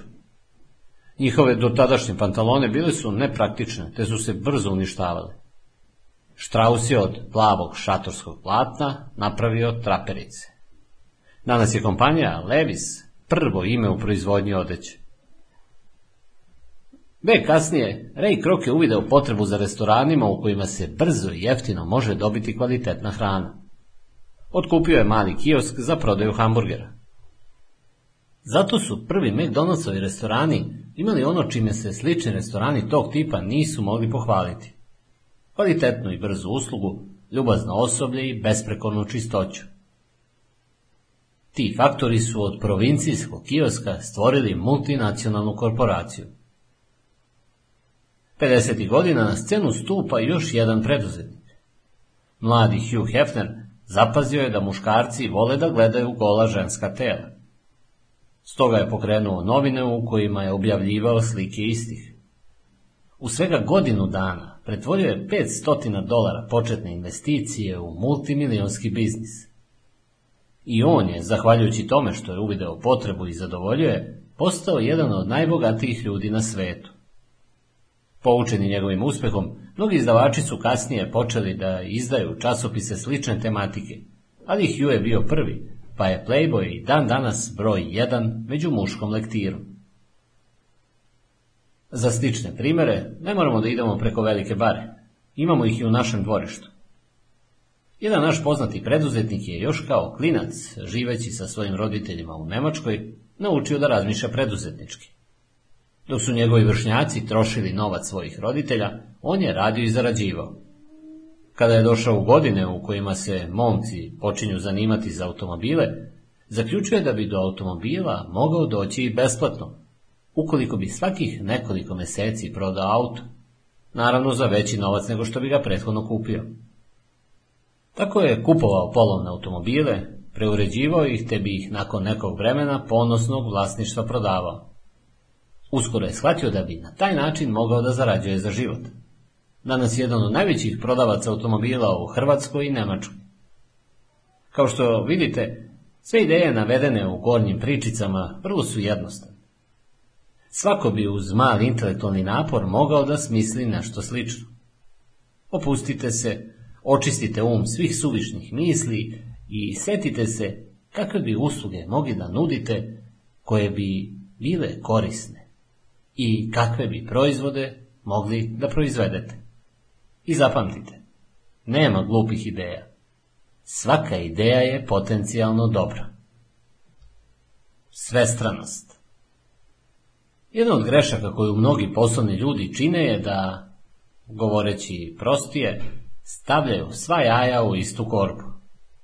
Ako im korpa ispadne, mogu da se oproste od svih jaja. Da su jaja stavili u dve, tri ili više korpica, gubitak bi bio manji. Preneseno da kažemo, nikada ne ulažite samo u jedan posao, već podelite rizik. Gotovo je neverovatno kako neka delatnost može doslovno da propadne preko noći. Setite se samo koliko je video klubova propalo nakon što je zabranjeno iznajmljivanje piratskih videokaseta. Isto tako koliko ih je propalo kada su izmišljeni CD-ovi ili DVD-evi. Zato je poželjno u najmanju ruku imati barem još jedan rezervni poslovni plan za nesrećan slučaj ako vam sadašnji posao propadne. Pravi preduzetnici u glavi imaju spremljena i po 3-4 projekta. I naravno, nešto novca za crne dane morate da odvojite kako biste te poslove finansirali. Slična pravila važe i za vaše odnose sa bankama. Držite novac u više banaka. Isto tako, nemojte držati sva sredstva u jednoj valuti. Deo kapitala možete držati u zlatu. Iako ono ne donosi nikakvu kamatu ili dividendu, omiljeno je kao osiguranje u slučaju nezgode. Mnogi ljudi su preživeli drugi svetski rat samo zahvaljujući zlatu koje su imali. Ipak i vredno zlata može preko noći pasti. Malo je verovatno, ali je moguće. Recimo ukoliko Japanci izmisle neki proces za stvaranje nekog veštačkog zlata, kao što su izmislili veštačke perle, koje su gotovo u potpunosti zamenile prave. Dijamanti, poput skupocenih parfema, nemaju neku istinsku vrednost. Jedino oglašavanje i monopolski položaj proizvođača drži njihove maloprodajne cene otprilike 10 puta iznad nabavnih. Isto to može da se dogodi sa zlatom. Ovom se poglavlje može činiti pesimistički. Verujte mi, ja sam sve samo ne pesimista, ali nikad ne znate šta se sve može dogoditi. Zato u poslu kao i u životu ne stavljajte sva jaja u jednu korpu. Kolo sreće se okreće. Nije potreban doktorat iz ekonomije da bi shvatili kako je sve na ovom svetu, uključujući i tržište, nepredvidivo. Ono neprestano ima svoje uspone i padove. Uzimo za primjer da želite da prodajete burek. Ljudi će vam reći nešto u stilu, pa znaš, bureci se već neko vreme prilično loše prodaju. Nije to više dobar biznis kao što je nekad bio. Uprkos ohrabrujućim savjetima, vi ipak otvorite burekđijsku radnju. Na vaše zadovoljstvo ona postane veliki hit i vrlo isplativa investicija. Zato otvorite i drugu radnju, pa još jednu. Uskoro se gradom proširi vez da su bureci i vruć biznis. Odjednom, burekđijske radnje počinju da niču kao pečurke posle kiše. Bureci od jabuka, sira i oni od mesa mogu se naći na svakom koraku. I to tako traje godinu ili dve. S vremenom, zbog velike konkurencije, burekđijskim radnjama počne da opada promet. Ubrzo potrošačima dosadi sav taj burek, pa promet još više padne. Gradom se ponovo poče pričati da burek biznis nije kao što je nekad bio. Zato pazite, nemojte da investirate u neki posao samo zato jer mu je dobro išlo u prošlosti. Kada neka investicija postane popularna, približavaju se skora propast. Uspešni preduzetnici su uvek spremni da napuste ili redizajniraju projekat pre nego što on krene silaznom putanjom. Upravo to je jedan od razloga njihovog uspeha. U protivnom bi na poslovnom kolu sreće mogli dobiti bankrot. Promene vas očekuju na svakom koraku. Nove situacije na tržištu, sve veća konkurencija, promene poreskog sistema, promene zakonodavstva, nova moda i tako dalje. Bez obzira na moguće promene, svi oni koji žele biti bogati moraju znati, a bogati to već znaju. Postoji samo jedan način na koji se može delovati u neizvesnim situacijama, a to je odmah. Četvrti deo. Bogatstvo. Praksa. Normalno bi se osobi milion evra ili dolara činilo sasvim dovoljno. Ali onaj ko misli da mu je milion dovoljan, nije tip koji ga može steći. Nemojte sebi stavljati ograničenja i ne dopuštajte da vam ih drugi stavlja. Zamislite put prema vrhu kao piramidu. Vaš je cilj da budete na vrhu. Širina piramide može se poistovetiti sa brojem prepreka.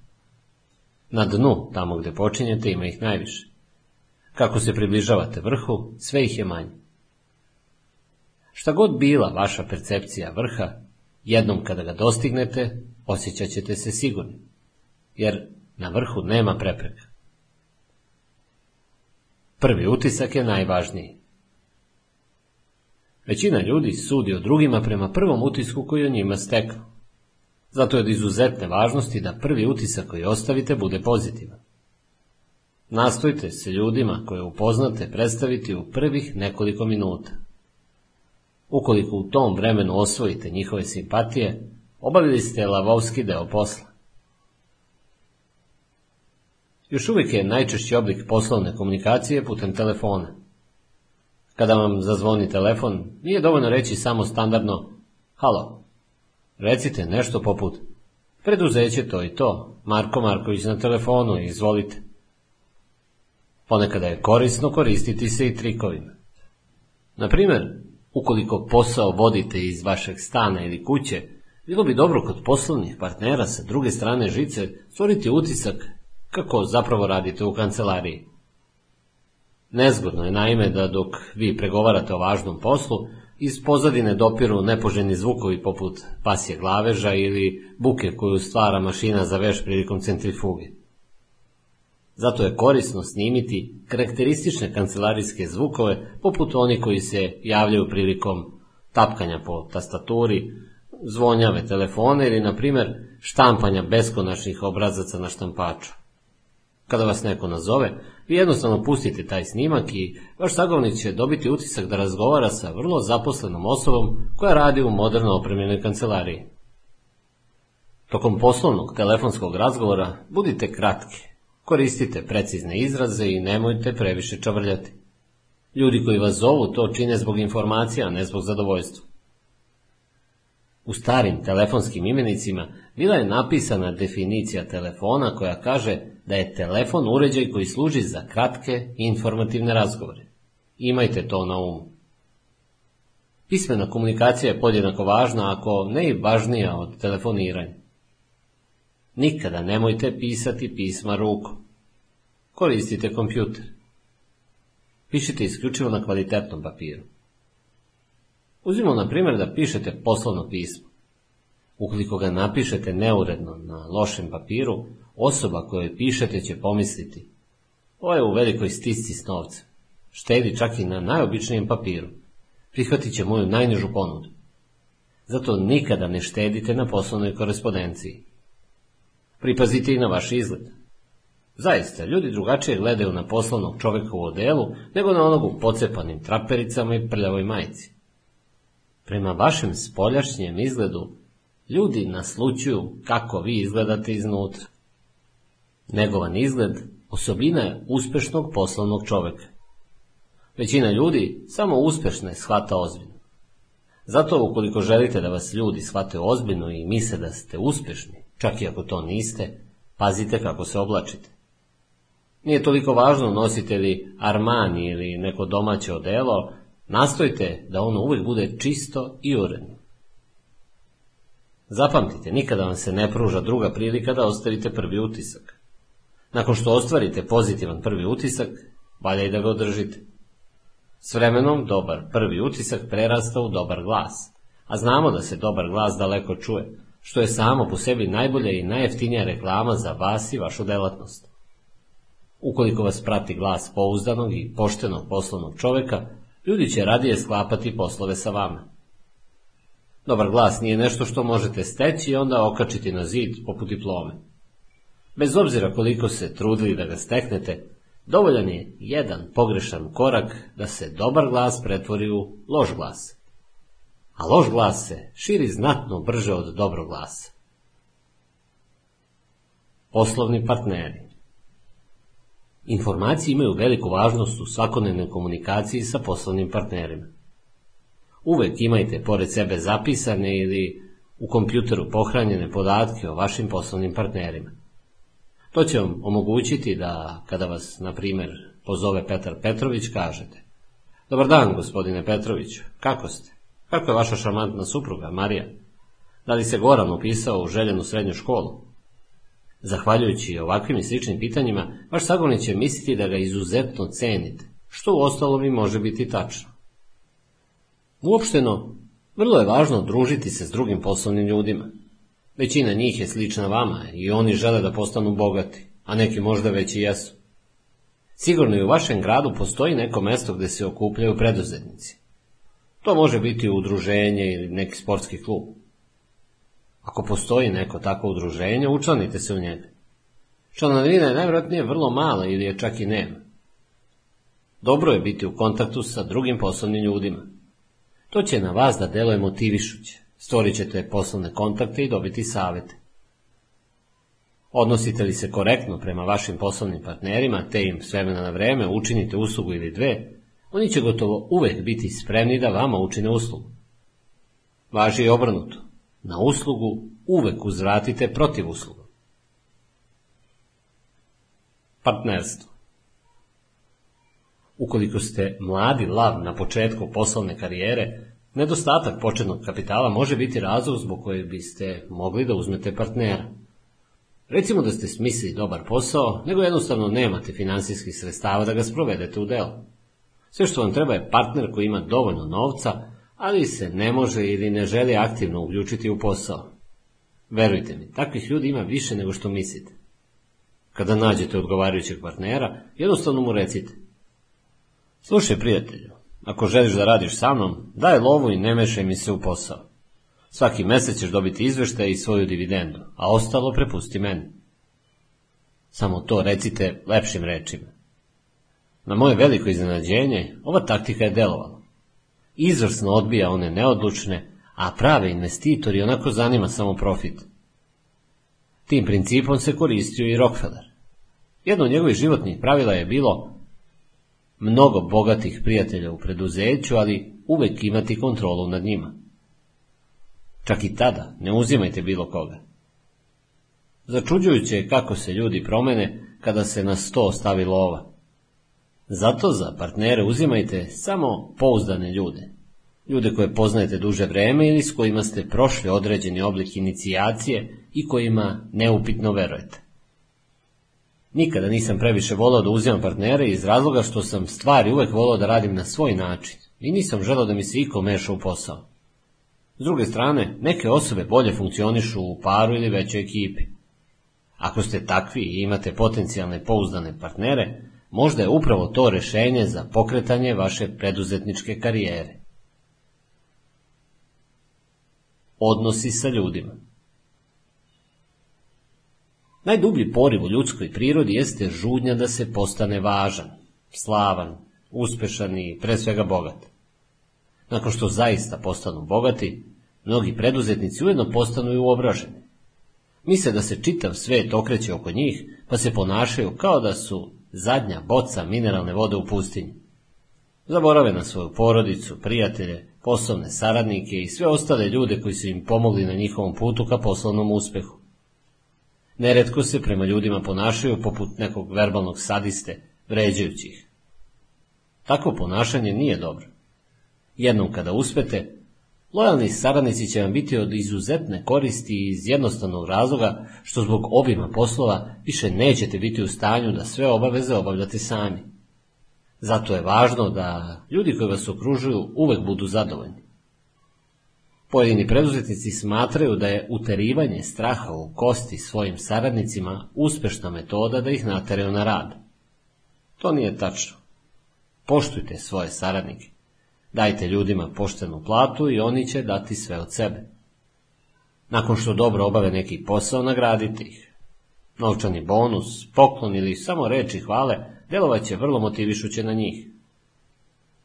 Vlasnik jednog uspešnog severno-jadranskog restorana svake zime na nedelju dana zatvori svoj restoran i odvede svoje osoblje i njihove porodice na skijanje. Takvi oblici priznanja postiču na bolji rad. Dobar preduzetnik je uvek u stanju da motiviše svoje osoblje. Ako se ono osjeća dobro, radit će još bolje. I još nešto, bez obzira koliko saradnika imali, uvek zapamtite njihova imena. Ljudi ne vole kada ih oslovljavate sa hej ti.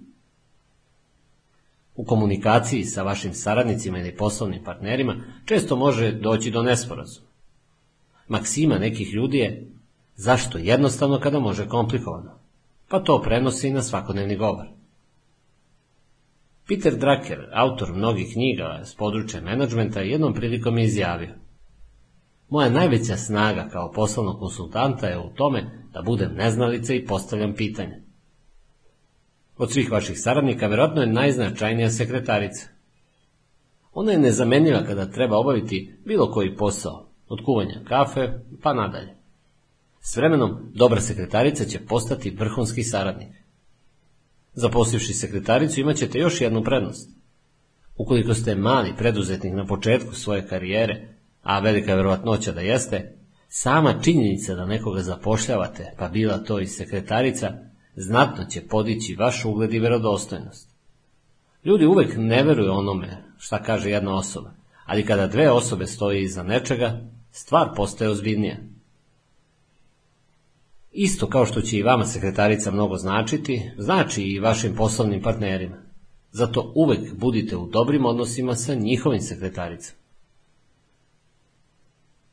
Gore navedena pravila o ophođenju s ljudima važe i na kućnom planu. Donald Trump uzimao je svoju ženu Ivanu zdravo za gotovo. Ona to više nije mogla da trpi, pa je zatražila razvod. Na sudu je dobila polovinu njegovog bogatstva koje se merilo u stotinama miliona dolara. Vaša žena može da bude ružna i debela, ali ako joj kažete da vam se sviđa njena ugodna popunjenost, ona će biti spremna da učini sve za vas. Svakodnevno dajte komplimente ne samo poslovnim saradnicima, već i vašoj ženi, mužu, deci i prijateljima. Recite nešto u stilu, draga, izgledaš deset godina mlađe. Ukoliko vi dobijete kompliment, uzvratite samo sa skromnim hvala. Mnogi su ljudi u takvim situacijama skloni da kažu nešto u stilu, reci mi nešto što ne znam. Ukoliko morate da budete kritični, pokušajte da kritikujete na preduzetnički način. Recite, draga, zaista sam uživao u doručku, ali možeš i sljedeći put da skuvaš jaje malo tvrđe. U razgovoru sa saradnicima koristite isti princip. Pokušajte, deluje. Bez obzira koliko loše mišljenje imali o nekoj osobi, nikada je nemojte ogovarati. Govorite pozitivno o drugima, pa će i drugi govoriti pozitivno o vama. Ljubi bližnjeg svog je izreka koju sam pokupio iz jednog drugog bestsellera. Primenjiva je i ovde. Budite tačni. Tačnost je od izuzetne važnosti za svakoga ko želi da uspe u životu. Ukoliko ste tačni, stvorit ćete imidž pouzdane osobe, a to je nešto što pomaže u svetu biznisa. Ako imate sastanak u 10, nemojte doći u 10 i 2 minuta. Dođite ranije i sačekajte ispred vrata, gledajući pritom u sat. Kada bude tačno 10 sati, pozvonite na vrata. Budite tačni. Uvek dolazite na vreme. Takođe, poštujte tuđe vreme. Nemojte dopustiti da vas drugi čekaju. Kašnjenjem ne samo da oduzimate nečije dragoceno vreme, već i indirektno vređate. Osim toga, kašnjenje je zarazno. Ukoliko budete kasnili po onom starom, ako može šef, mogu i ja principu, kasnit će i vaši saradnici. Suprotno tome, budete li tačni, to će se odraziti na one koji vas okružuju. Držite se vaše strane dogovora. Ukoliko morate vratiti pozajemljeni novac u sredu, budite tamo već u 8 ujutru. Ili još bolje, dođite utorak. Vaša reputacija pouzdane osobe koristit će vam u poslu više nego bilo šta drugo. To važi za švajcarske bankare, a važit će i za vas. Pregovaranje Pregovaranje je sastavni deo života svakog preduzetnika. Uspešno vođenje pregovora može značiti znatnu razliku između zarade i gubitka. Teorijski gledano, pregovaranje je komunikacijski proces davanja i uzimanja, što na kraju dovodi do delimičnog zadovoljstva svake od strana. Osnovna pregovaračka tehnika u narodu je poznata kao cenkanje, a zna je svaka prodavačica sa pijace. Svodi se na to da u početku postavite visok zahtev koji ćete tokom pregovaranja spuštati. Tako ćete, nakon završetka pregovora, ostvariti bolji rezultat nego da je vaš početni zahtev bio prenizak. Vrlo je važno sačuvati hladan izraz lica prilikom pregovora. Nemojte dozvoliti da vas gestovi odaju. Ponašajte se poput profesionalnog igrača pokera. Budite strpljivi. Ako možete sebi da dopustite da čekate duže od suprotne strane, verovatno ćete izvući bolje rezultate. Želite da otkrijete, govori li druga strana istinu, naučite nešto o govoru tela. Uzmite neku od knjiga napisanih na tu temu. U njima ćete saznati da osoba koja dodiruje usta tokom razgovora verovatno laže, ili da osoba koja sedi prekrštenih ruku ima negativan odbrambeni stav i tako dalje. Malo istraživanja govora tela neće vam škoditi. Za razliku od govora tela, čitati govor lica je nešto teže. Ipak postoji jedan podatak koji je dobro znati. Neko ko nije iskren u potpunosti, pokazat će to ukoliko njegov iznenađeni izraz lica ili iznenađenja optužbom traje predugo. Dobro je ukoliko u pregovore uključite i neku važnu osobu koja uživa ugled među ljudima. Ta osoba će da svedoči o vašim dobrim namerama. Na taj način možete da sklopite posao koji bi inače bilo nemoguće sklopiti samo zato jer vas druga strana ne poznaje. Ovo je naročito korisno mlađim preduzetnicima, koje ljudi ponekad ne shvataju ozbiljno. Na pregovorima nemojte da izgledate kao previše bogati, pametni ili gladni novca. Pokušajte se ponašati pošteno, iskreno i zainteresovano za rešavanje problema druge strane. Nikada se ne svađajte. Uvek se složite sa suprotnom stranom, ali i tu iznesite svoje argumente. Najvažnija stvar kod pregovaranja je izreći vaš predlog na pozitivan način. Ako kažete nešto u stilu, pretpostavljam da ne želite da prodate vašu prodavnicu, velika je vratnoća da će odgovor biti u pravu ste, ne želim da je prodam. Odgovor bi možda bio drugačiji da ste pitanje uputili na pozitivan način. Na primjer, želite i da zaradite prodajom vaše prodavnice. Naravno da želi da zaradi. Svako želi da zaradi. Sve što pokušavate da prodate ili kupite, može se prodati ili kupiti ako čoveku sa druge strane stola uspete da pokažete u čemu je njegov interes. Recimo da tražite posao i poslodavac kaže žao mi je, ne mogu sebi priuštiti još jednog radnika. Vaš odgovor bi trebalo da bude shvatam vaš problem i slažem se s vama. Zato sam voljan da radim za vas besplatno prvih nedelju dana. Ukoliko vam u tom periodu ne donesem duplo veću dobit nego što iznosi moja plata, onda mi ne trebate. Ovako postavljen zahtev gotovo niko ne bi odbio. Umetnost pregovaranja dolazi do izražaja i kod potencijalnih tužbi. Naime, može se dogoditi da vas neko iz bilo kog razloga tuži. Nastojite da pregovarate pre nego što do toga dođe. Suđenje zna da bude veoma iscrpljujuće, finansijski, psihički i fizički. Radije stavite nezadovoljniku 100 evra u džep i recite mu da ga više nikada ne želite videti. Suđenje se jednostavno ne isplati. Čak i ako nakon nekoliko godina ucaranja po sudskim hodnicima dobijete zadovoljenje, ono će biti znatno manje od novca i vremena koje ste uložili u celu stvar. Zato se uvek nastojite dogovoriti izvan suda. U našim sudovima još uvek ne važi pravda za sve, pa da možete da izvučete milion dolara samo zato što vam je neko naneo duševnu bol. Na kraju uspešno sklopljenog posla recite nešto što će uveriti suprotnu stranu da je napravila dobar posao. Probajte sa Gospodine, zaista nisam nameravao da pristanem na 10.000 evra. Verovao sam da neću morati da dam više od 8.000. To je puno bolje nego da kažete Nameravao sam ići do 12.000. Baš mi je drago što ste pristali na samo 10.000 evra, iako možda baš to mislite. Nije važno koliko nešto vredi. Važno je koliko ljudi misle da vredi. Nema ništa loše u povremenom prečutkivanju istine. U poslu, za razliku od ljubavi, dobri momci uvek dođu zadnji na cilj. Najbolja investicija Znanje je najbolja investicija. Mnogo bolja od zlate ili bilo kojih deonica. Posebno dolazi do izražaja u kriznim vremenima. Možete da izgubite cijelo svoje bogatstvo, ali ono što imate u glavi ostaje. Nije ni čudo da je izučavanje zanata bio obavezan deo na obrazovanja većine srednjovekovnih vladara. Ukoliko bi neki kralj usred političkih previranja izgubio svoju krunu, uvijek je mogao da pređe u kovače, kolare ili putujuće svirače lire. Zaista je dobro imati barem dve profesije na kojima možete zarađivati novac, plus znanje iz opšte kulture. Ne brinite ukoliko nemate završen fakultet. Znanje možete steći i sami, iz knjiga, časopisa i drugih medija. Mnogi bogataši uopšte nemaju fakultetsko na obrazovanje. Bill Gates, vlasnik kompanije Microsoft, izbačen je sa fakulteta već na prvoj godini.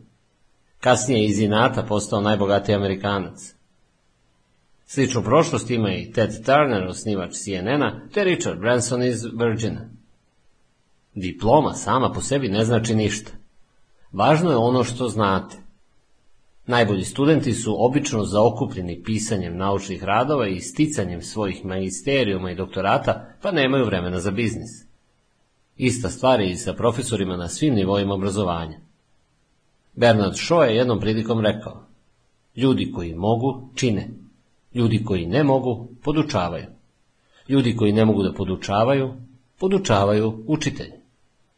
Obrazovanje je važno, ali ono ne mora da bude formalno, to jest stečeno u nekoj obrazovnoj instituciji.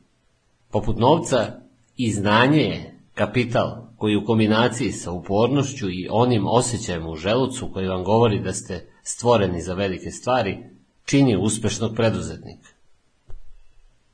Vi i vaša banka. Verovatno ste čuli za izreku. Potreban je novac da bi se stvorio novac. Ukoliko nemate sobstveni početni kapital, morat ćete da pozajmite novac. Možda vaši roditelji imaju nešto novca ili imate bogatog strica u Nemačkoj. Ako niste te sreće, morat ćete u banku. Naše, sada već strane, banke bile su poznate po tome što su nevojno odobravale preduzetničke kredite, koncentrišući se na unosnije kreditiranje potrošnje, pre svega automobila. Ponekada se činilo da kredite radije odobravaju velikim sistemima koji ih gotovo po pravilu ne vraćaju, nego onima koji će svež kapital znati da iskoriste. Ipak stvari se kreću nabolje i više nije zaista problem dobiti kredit. Raspitajte se malo. Postoje brojni programi za finansiranje preduzetništva. Kod poslovanja sa bankama zapamtite jedno.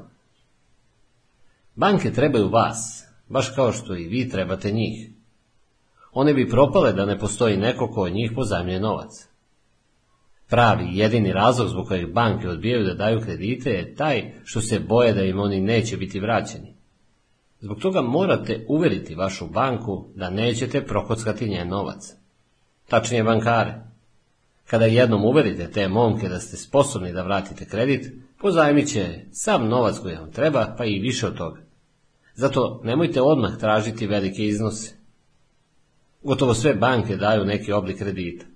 Tražite kredite sa što nižom kamatnom stopom i što dužim rokom povraća. Pojedine banke nude i kredite sa grace periodom. Opiđite poslovnice svih banaka u vašoj okolini. Raspitajte se za uslove kreditiranja. Stara prijateljstva i porodične veze koje možda imate sa nekim od zaposlenih u banci mogu da budu od velike pomoći. Zvuči kao tekovina iz prošlih vremena, ali pomaže.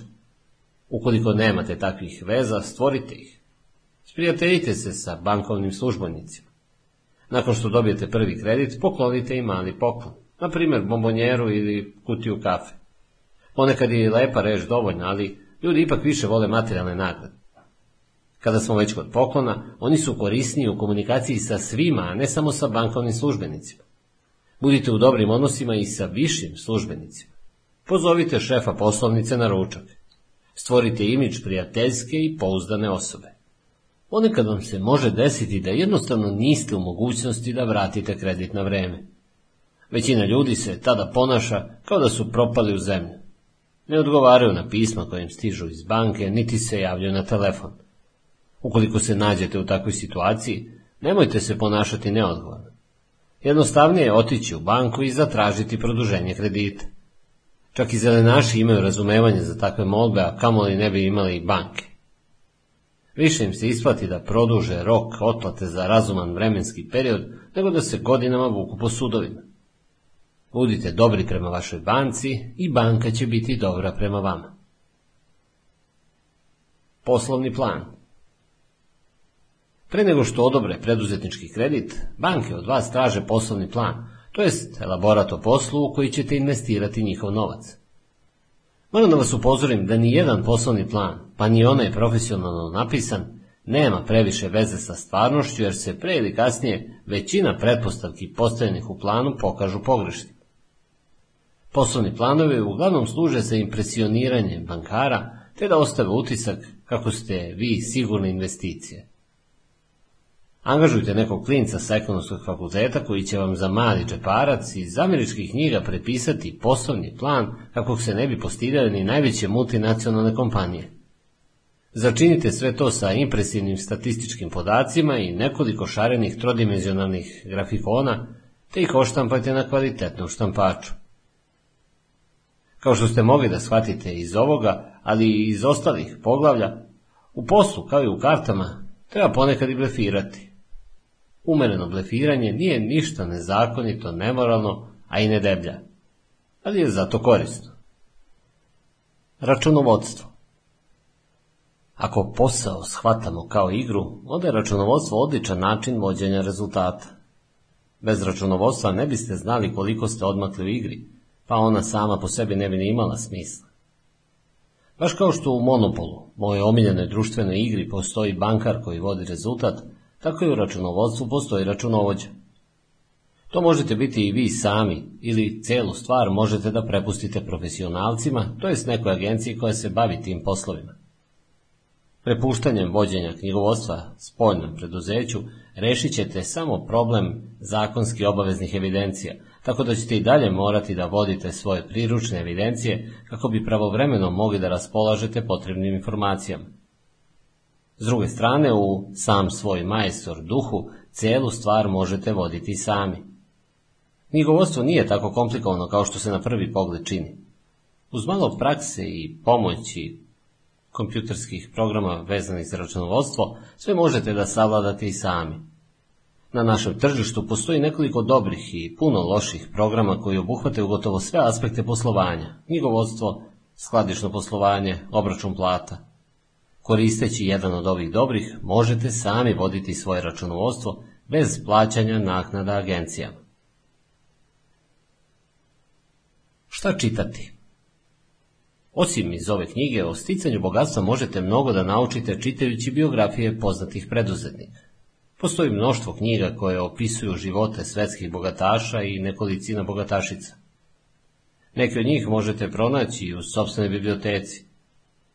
Iz biografija ljudi kao što su John Rockefeller, Sam Walton ili Michael Dell saznaćete kako su mnogi današnji bogataši postali upravo to. Nije bitno čiju poslovnu biografiju čitate, jer loša biografija jednostavno ne postoji. Mnogi preduzetnici priznaju da su većina njihovih poslovnih poteza zapravo samo varijacije na poslovne poteze o kojima su čitali. Biografije uspešnih preduzetnika njihova su omiljena literatura i nepresušni izvor ideja. I vi možete ukrasti ili, bolje rečeno, pozajmiti poneku ideju iz tih knjiga. Osim biografija, čitajte i što više poslovne literature. U njima ćete pronaći brojne ideje koje mogu unaprediti vaše poslovanje. Uvek budite otvoreni prema novim idejama. Po internetu, kao i u bibliotekama, možete pronaći i strane poslovne časopise kao što su Fortune, Forbes, Eurobusiness i slični. Možda ćete baš u njima pronaći neku ideju koja vam može koristiti. Čitanje ne treba da vam oduzme previše vremena. Možete čitati dok čekate autobus, sedite u toaletu ili pokušavate da zaspite. Za vreme vožnje automobilom preporučujem slušanje audio tečaja stranih jezika. Bilo bi dobro da naučite i poneki strani jezik. Engleski obavezno, ali ni ostali neće škoditi. Nezavisno delovanje Postoje različiti ljudi i neće svima uvijek da bude po volji ono što vi radite. Morate da imate debelu kožu kao nosorog i da se spremite na sve moguće uvrede, smicalici i ljubomore na koji ćete zasigurno pre ili kasnije naići. Preduzetnici, svejedno da li trguju robom ili uslugama, vrlo rano nauče da na tržištu ne dobijaju medalje za hrabrost. Tržište može da ponudi samo jednu nagradu. Novac. Puno novca. To bi vam trebalo biti dovoljno. Ponašanje u skladu sa onime šta drugi misle umjesto ponašanja u skladu sa sobstvenim razmišljanjima ne samo da narušava vaš integritet osobe i moć rasuđivanja, već ima i negativan uticaj na samopouznanje. Kao rezultat toga potiskujete svoje najbolje osobine. Misliti sa svojom glavom, s druge strane, omogućava vam da iz vas izađe ono najbolje što možete da ponudite. U zemljama slobodnog sveta svako ima mogućnost odabira između ponašanja u skladu sa svojim nezavisnim sudom i ponašanja na osnovu onoga što misle drugi ljudi. Izaberite prvu opciju. Peti deo. Marketing. Kada malo bolje razmislite, ne možete napraviti više od nekoliko koraka da ne naletite na marketing i ono što marketing čini za vas. Jer marketing utiče na vaš život, često u razmerama o kojih niste ni svesni. Marketing je stručni naziv za postupak kada uzmete nešto jednostavno i zapakujete tako da se dobro prodaje. Zlobnici bi rekli da je marketing način da se ljudima uvali nešto što im ne treba. Mi koji se marketingom bavimo, kažemo da je marketing humanistička nauka koja stavlja potrošača u središte svemira, a zapravo mislimo da je marketing način da se ljudima uvali nešto što im ne treba. Šalu na stranu, za uspješnu prodaju neke stvari, usluge ili ideje, potreban je dobar marketing. A to znači dobra, ne nužno i skupa reklama i još par drugih sitnica. O marketingu su napisane brojne knjige. Pre nego što krenete u reklamnu kampanju, pročitajte bar jednu knjigu na tu temu. To će vas u krajnjoj liniji sprečiti da reklamirate tablete protiv senilnosti u tineđerskim časopisima i da prodajete montažne kuće putem pošte.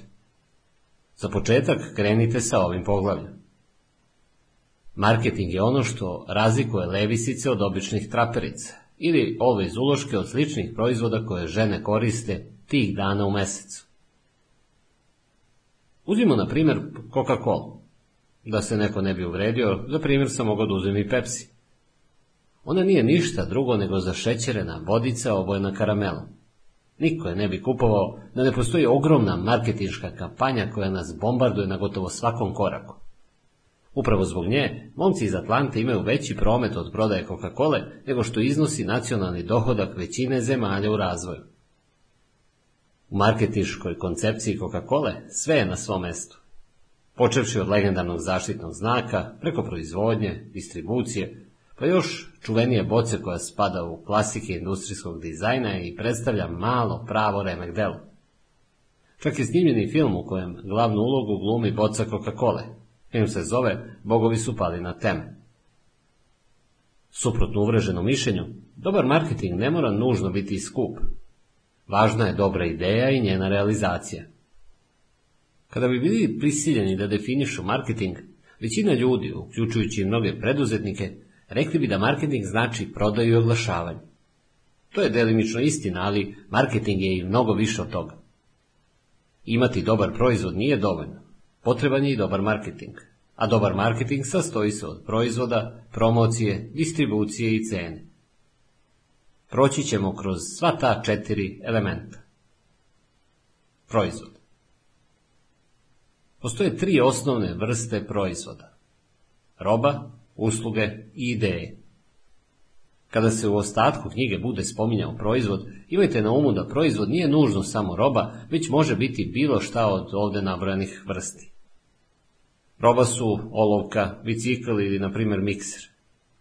I novine su roba, ali kada njihov izdavač prodaje oglasni prostor, onda vrši uslugu.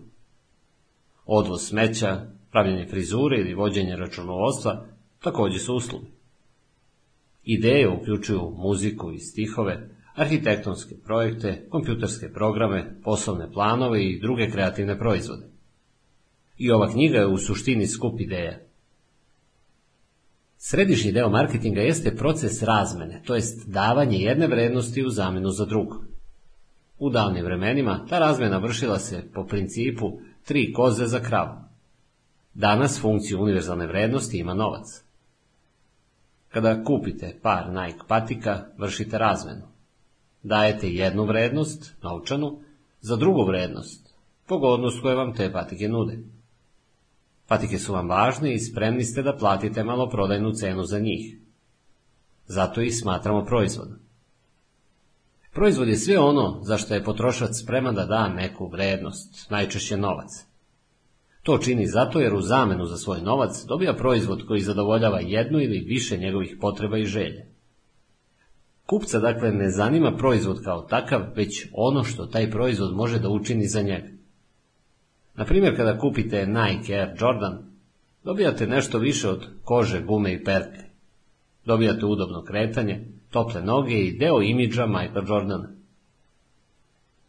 Idejom do proizvoda Da bi vaš proizvod bio uspešan, potrebna vam je ideja. Ideja koja vas razlikuje od konkurencije. Dakle, vaš se proizvod, da bi imao šansi za uspeh, mora razlikovati od konkurencije. To nužno ne znači bolji proizvod ili uslug. Ono što nudite može biti manje, veće, lakše, teže, jeftinije ili skuplje. Ili kao u slučaju Domino's pice, predmet razlikovanja može biti distribucijski sistem. Različitosti, poput gore navedenih, daće vaše marketingu jedinstvenost. No, taktika sama po sebi nije dovoljna. Neki sjajni proizvodi su otkriveni pukom slučajnošću. Velike ideje dolaze kada se najmanje nadate, no ponekad zakasne. Da se to ne bi dogodilo, možete da koristite metodički pristup. Sledi razvoj proizvoda u šest slika. Prva, generisanje ideje. Igrači na tržišnoj utakmici u neprestanoj su potrazi za novim idejama. Marketinško okruženje je dinamično, pa ideja može sinuti svakog trenutka. Isto tako i ideja koja se do nedavno činila bezvrednom može nakon nekog vremena postati izuzetno atraktivna. No, kako do prave ideje? Često su one oko nas. Razgovarajte sa vašim prijateljima, kupcima i poslovnim partnerima. Možda oni imaju nešto na pameti. Preduzeća s ciljem pronalaženja novih ideja koriste mnoge tehnike, istraživanja, takmičenja, marketinška istraživanja, kutije u koje zaposleni ubacuju ideje. Mnogi ideje počinju sa običnim šta ako. Razvijte sistem za stimuliranje novih ideja i nagradite osobe koje ih razviju. Strana tržišta su takođe dobar izvor novih ideja. Putujući u inostranstvo i prateći strane medije, možete doći do unosnih ideja.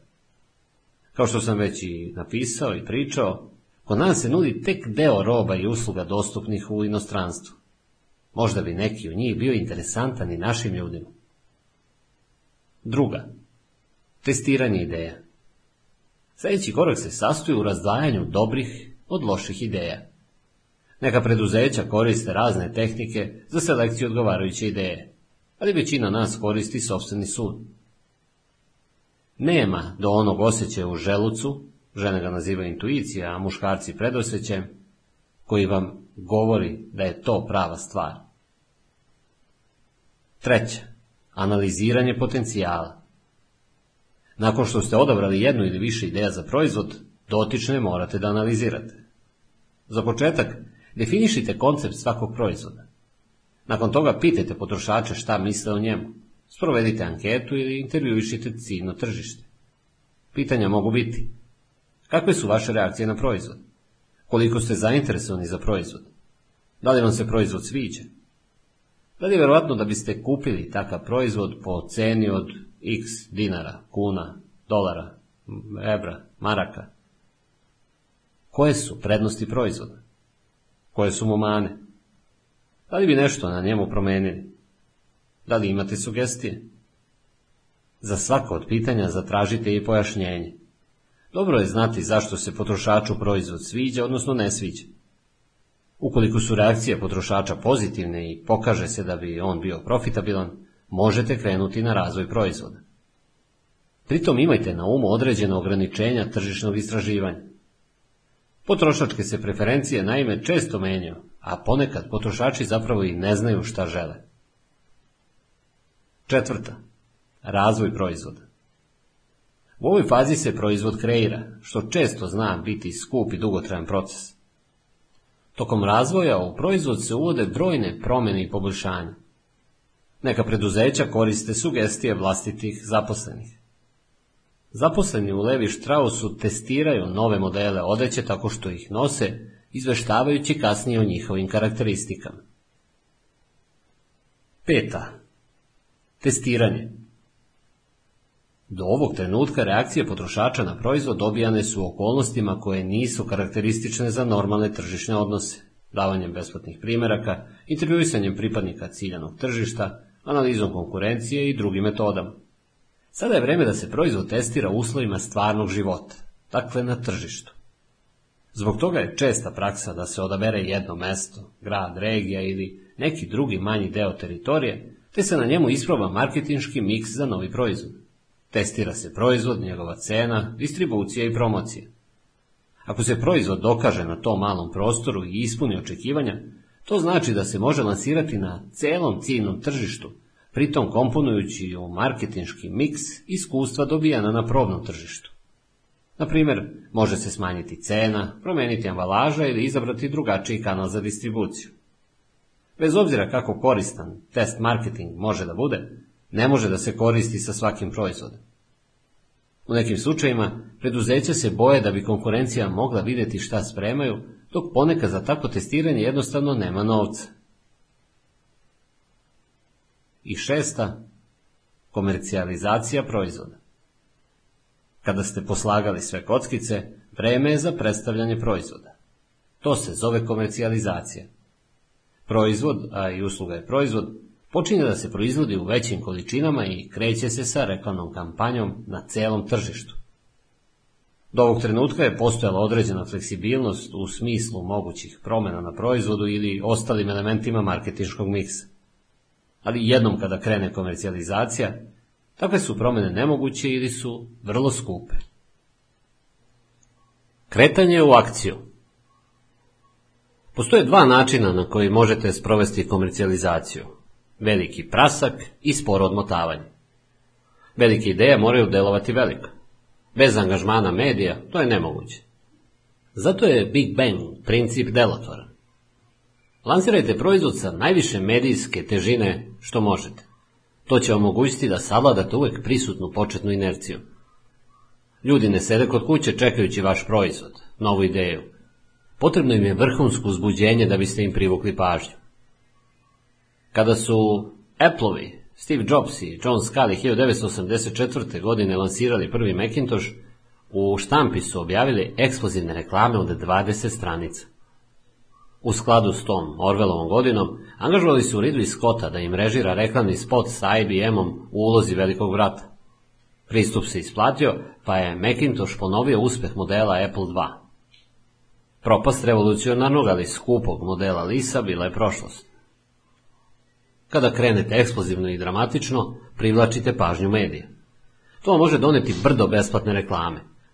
Vesti, intervjui, pa čak i samo spominjanje vašeg proizvoda često može značiti više od obične reklame. No, udarite li jako, pobrinite se da udarite i brzo. Dobre ideje ne ostaju dugo usamljene. Uskoro će vas početi kopirati. Zato je važno što pre sa svojim programom sići na ulicu. Perfekcionizam je ok, ali težeći za njim, mogli biste žrtvati prednosti koje već posjedujete nad konkurencijom. Drugi mogući pristup jeste pristup polaganog širenja.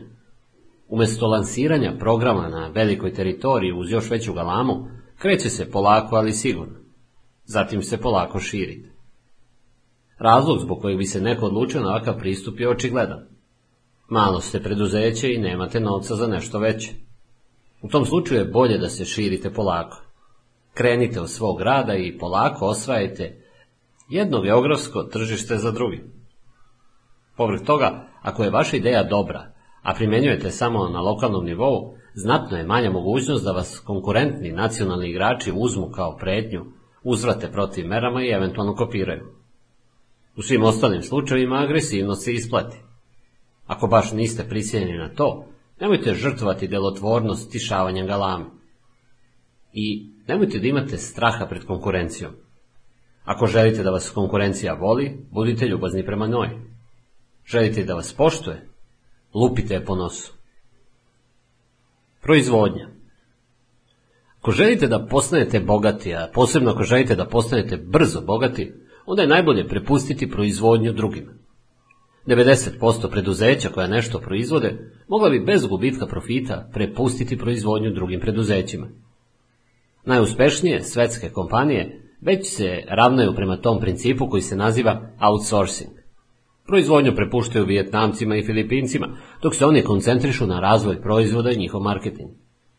Tako, na primjer, kompanija Sega, koja proizvodi popularne konzole za igru, nije ništa drugo nego kompanija za razvoj i reklamiranje Sega proizvoda koje pod ugovorom proizvode bezimene kompanije sa dalekog istoka. Ulaganja u proizvodnju su velika, što zahtjeva visoke novčane izdatke za kupovinu sredstava za proizvodnju, tehnike i njihovu primjenu, tehnologiju. Sve to za sobom nosi samo probleme i značajno umanjuje vašu fleksibilnost i mobilnost. Zato i vi možete postupiti na način na koji postupaju velika svetska preduzeća i uspješni preduzetnici. Prepustite proizvodnju drugima.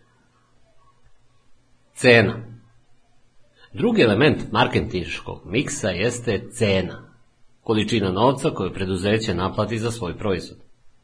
Kao moćna marketinška komponenta, cena je više od običnog generisanja prihoda. Visoka cena pomaže pri stvaranju ekskluzivnog imidža za proizvod. Niska cena može preuzeti deo prodaje od konkurenta, povećati potražnju i stvoriti imidž dobre vrednosti za uloženi novac. Određivanje cene jedan je od najtežih poslova u marketingu i zahteva širok spektar znanja, od financijskih kalkulacija do psihologije. Potrošači i konkurencija mogu da diktiraju raspon cena, što utiče na vašu fleksibilnost. Isto tako, kupci neće kupiti proizvod ako veruju da nije vredan cene. No, zato će platiti veću cenu za poznati i cenjeni proizvod, prvenstveno zbog dobrog imidža stvorenog oglašavanja.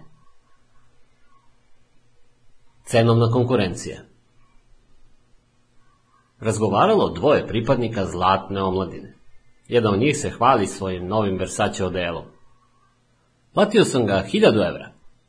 Drugi mu na to odgovori. Budalo, znam gdje možeš da kupiš isto tako odelo za 2000 evra. Gornji vic dobar je primjer koji nam pokazuje kako je cena relativan pojam. A relativno je čini to što, osim standardnih elemenata kao što su troškovi, marža i slično, na nju utiču i brojni druge manje racionalni elementi. Ti racionalni elementi su, ako ne važniji, onda barem jednako važni kao i ovi drugi. Nekada davno, mnogo pre PDV-a, proizvodi su se razmjenjivali. Razmena, trampa ili, kako bi mi danas rekli, kompenzacija, služila je za zamjenu jedne vrednosti drugom. A onda su Feničani izmislili novac. Od tada pa nadalje, njihov izum je krivac većine naših problema, frustracija i nemirnih snova. Ali taj izum je donio i nešto dobro. Za kupce je cena od uvek predstavljala vrednost onoga što je bilo predmet razmjena. Odjednom se ta vrednost mogla izraziti novcem. Budući da kupci raspolažu sa ograničenom količinom novca, moraju da ga rasporede na način koji im omogućuje kupovinu proizvoda koje najviše žele. Na primjer, ne oni koji im najviše trebaju, nego oni koje najviše žele. Proizvodom koji nudite možete se takmičiti u tržišnoj utakmici na cenovnoj ili necenovnoj kategoriji. U prevodu možete da se takmičite niskim cenama ili pak da imate nešto višu cenu, a naglašavati druge dobre strane proizvoda, kvalitet, prestiž i tako dalje. Kod korišćenja cenovne konkurencije, preduzeće smatra nisku cenu svojih proizvoda bitnom i njome tuče cenu konkurenata. Da bi uspešno konkurisali na cenovnom nivou, morate imati niske troškove. Ako sva preduzeća u igri odrede istu cenu za svoj proizvod, preduzeće s najnižim troškovima je pobednik. Kada konkurent promeni cene, prodavac mora odgovoriti brzo i agresivno, poput pitbulla. Necenovna konkurencija se javlja kada preduzeće odluči da se ne usredsredi na nisku cenu, već umjesto toga naglašava posebne osobine proizvoda, visok nivo pratećih usluga, kvalitet ili trajnost proizvoda, njegov dizajn, pakovanje i druge faktore koji taj proizvod razlikuje od konkurencije. Dakle, na svemu samo ne na niskoj ceni. Tako preduzeće može prodati veći broj proizvoda bez promene cene. Iako pretpostavljamo da je cena za kupce važna, njeno značenje zavisi od vrste proizvoda, vrste ciljanog tržišta i okolnostima koje prate kupovanje. Na primjer, kupci su osjetljiviji na cenu benzina nego na cenu putnih torbi. Također su bitne okolnosti koje prate kupovanje. Recimo, većina posetilaca bioskopa ne bi u drugim okolnostima platila cenu kokica koja se traži na takvim mestima. Ljudi koji čine neko tržište moraju biti u stanju da kupe proizvod. Razumevanje kupovne moći ciljanog tržišta i saznanje o tome koliko im je proizvod važan u poređenju s drugim proizvodima pomaže da se ispravno utvrdi odgovarajuća cena. Psihološko određivanje cena U maloprodaji se većina kupovina temelji na emocionalnim, a ne racionalnim reakcijama. Stoga se često koristi psihološko određivanje cena. Određivanjem cena nižih od okruglog broja, a takve najčešće završavaju brojkom 9, Preduzeća pretpostavljaju da će prodati više proizvoda nego da su koristili okruglu cenu. Tako se javljaju cene od 99 kuna umjesto 100 i na primjer 9,95 umjesto 10. Također se pretpostavlja kako će kupci misliti ili barem reći prijateljima da je cena proizvoda povoljna, budući da nije, zamislite, 100 kuna, nego samo 90 i nešto sitno. Pretpostavlja se da kupci misle kako je Prodavnica mogla da odredi cenu od 100, ali je eto snizila, što znači da vlasnici paze na svaki, pa i posljednji kupčar novčić. Neki pak tvrde i to da određene kupce više privuku cene niže od okruglog broja. Ipak nema nekih uveljivih istraživanja koja bi podržala verovanje da cena niža od okruglog broja postiče veću prodaju. Uprkos tome, na razvijenim tržištima prevladavaju upravo takve cene. U SAD-u gotovo da i ne postoji proizvod u maloprodaji, od šibice do automobila, koji nema cenu nižu od okruglog broja. Ukoliko prodajete parfeme, dijamante ili neke druge proizvode sa prizvukom ekskluzivnosti, verovatno bi se pokazalo da tržište bolje reaguje na okruglu cenu. Ukoliko pak prodajete žvakaće gume, casual odeću ili novine, onda je bolje da se cene završavaju sa devetkama.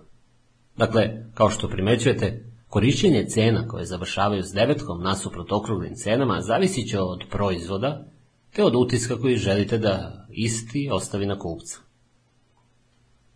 Distribucija Transport proizvoda, skladište, držanje inventara, primanje poručbina, sve su to koraci koje proizvod čini na svom putu od proizvođača do potrošača. Ti koraci su elementi distribucije. Loše organizovana distribucija može da znači nevolju. Da bi zadovoljio kupce, proizvod mora biti dostupan na pravo mesto u pravo vreme. I ne samo to. Proizvod mora da bude dostupan što većem broju kupaca u željenim količinama, a da se istovremeno troškovi zaliha, prevoza i skladištenja održe na najnižem mogućem nivou. Distribucija uključuje veleprodaju, maloprodaju, posrednike, akvizitere, prodajno osoblje i mnoge druge distribucione kanale. Odabir pravog kanala zavisi od proizvoda. Na primjer, automobile nećete prodavati putem pošte, jer skupi i tehnički složeni proizvodi najčešće zahtevaju ličnu prodaju. S druge strane, prodaja knjiga putem pošte izgleda kao dobar izbor. Ja volim da se držimo one američke cut the middleman, izbaci posrednika, pa je stoga prodaja knjiga putem pošte za mene bila idealno rješenje. No da se kojim slučajem bavim prodajom automobila, zbog visokih troškova organizovanja dilerske mreže, kao najbolji kanal verovatno bi odabrao franšizi, to jest prodaju preko ovlašćenih zastupnika. Moguće i kombinacija raznih kanala. IBM prodaje svoje kompjutere preko mreže dilera, ali velike naružbine idu preko ličnog prodajnog osoblja. Uspešna prodaja Mnogi ne shvataju važnost prodaje. Sve može biti u savršenom redu, ali ako kupci ne kupuju vaše proizvode ili usluge, onda ste u gadnoj nevolji. Svaki preduzetnik je ujedno i prodavac. Kada jednom postanete preduzetnik, postaćete i prodavac čiji je zadatak da proda svoje proizvode, usluge ili ideje ili sve zajedno. Da bi ih uspešno prodali, morate ne samo pozitivno da govorite o njima, već i sami da budete uvereni u njihovu vrednost. Kupac će verovati u ono što prodajete samo ako i vi verujete u to. U prodaju morate da unesete svu svoju domišljatost, strpljenje i energiju. Trebate da navedete kupce da žele da kupe ono što nudite. Da bi pritom bili što uverljiviji, naučite sve o vašoj robi. Tako ćete izbeći da kupac zna o njoj više od vas. S druge strane, nije dobro pokazati preveliko znanje jer ono najčešće zbuni kupca. Važno je da kupac u vama vidi ljubaznu osobu. Čak i ako vam je tog dana dosta svega, uvek morate biti nasmijani, predusretljivi i iznad svega ljubazni. Pažljivo saslušajte kupca i udovoljite svakoj njegove želji. Ima i kupaca koji su toliko dosadni da bi ih najradnije šutnuli nogom u stražnicu. Ipak suzdržite se. Vi ste tu zbog kupca, a ne oni zbog vas. Jedini način da zaradite novac je taj da budete ljubazni prema vašim kupcima, bez obzira da li prodajete hleb, bešumne vodokotliće ili marketičku koncepciju za novi proizvod. U razgovoru s kupcem govorite o dobrim stranama vaših proizvoda, ali nastojite da to ne bude previše očito. Nastojite da ne zvučite poput trgovca polovnih automobila iz teksaške provincije. U jednoj američkoj robnoj kući postoje dva pravila koji se prodavci moraju pridržavati. Prvo pravilo glasi, kupac je uvek u pravu. Drugo pravilo glasi, ako kupac nije u pravu, pogledaj prvo pravilo. I zaista, bez obzira šta kupac govori, dobar prodavac se uvek mora složiti s njim. Ovdje nema mesta prepirki. Ukoliko prodajete neki proizvod, kupac može da primeti da je isti skup. Nemojte se prepirati i uporno tvrditi kako je jeftin, nabrajajući pritom njegove prednosti. Umjesto toga recite, zaista košta više od sličnih proizvoda. Shvatam vašu brigu o novcu, međutim, i tu nabrojite sve svoje argumente. Na kupčeve prigovore uvek počnite odgovarati kao da ste saglasni s njime, a zatim ga na fini način uverite u ono što želite da veruje. Podjednako važno kao i sticanje novih kupaca, ako ne i važnije, to je da zadržite postojeće kupce. Svako može naći kupca. Novac leži u njegovom zadržavanju. Kao i voljenu osobu, i kupca ćete zadržati tako da mu pokažete više pažnje od drugih. Promocija Konačni, četvrti element marketinškog miksa je promocija. Od prosvekata do televizije, promocija je deo naše svakodnevice, hteli mi to ili ne. Ona predstavlja sponu između proizvođača i potrošača. Kombinacijom raznih tehnika promocije, preduzeća se obraćaju potencijalnim kupcima. Kako bi reklamiranje na masovnom tržištu bilo preskupo, razboriti oglašivači nastoje da koncentrišu svoje obraćanje onima koje su u segmentaciji definisali kao svoje ciljno tržište. Zato se svaki put iznova nasmejem kada vidim kako se neko usko specijalizovano preduzeće reklamira u pauzi futbalske utakmice.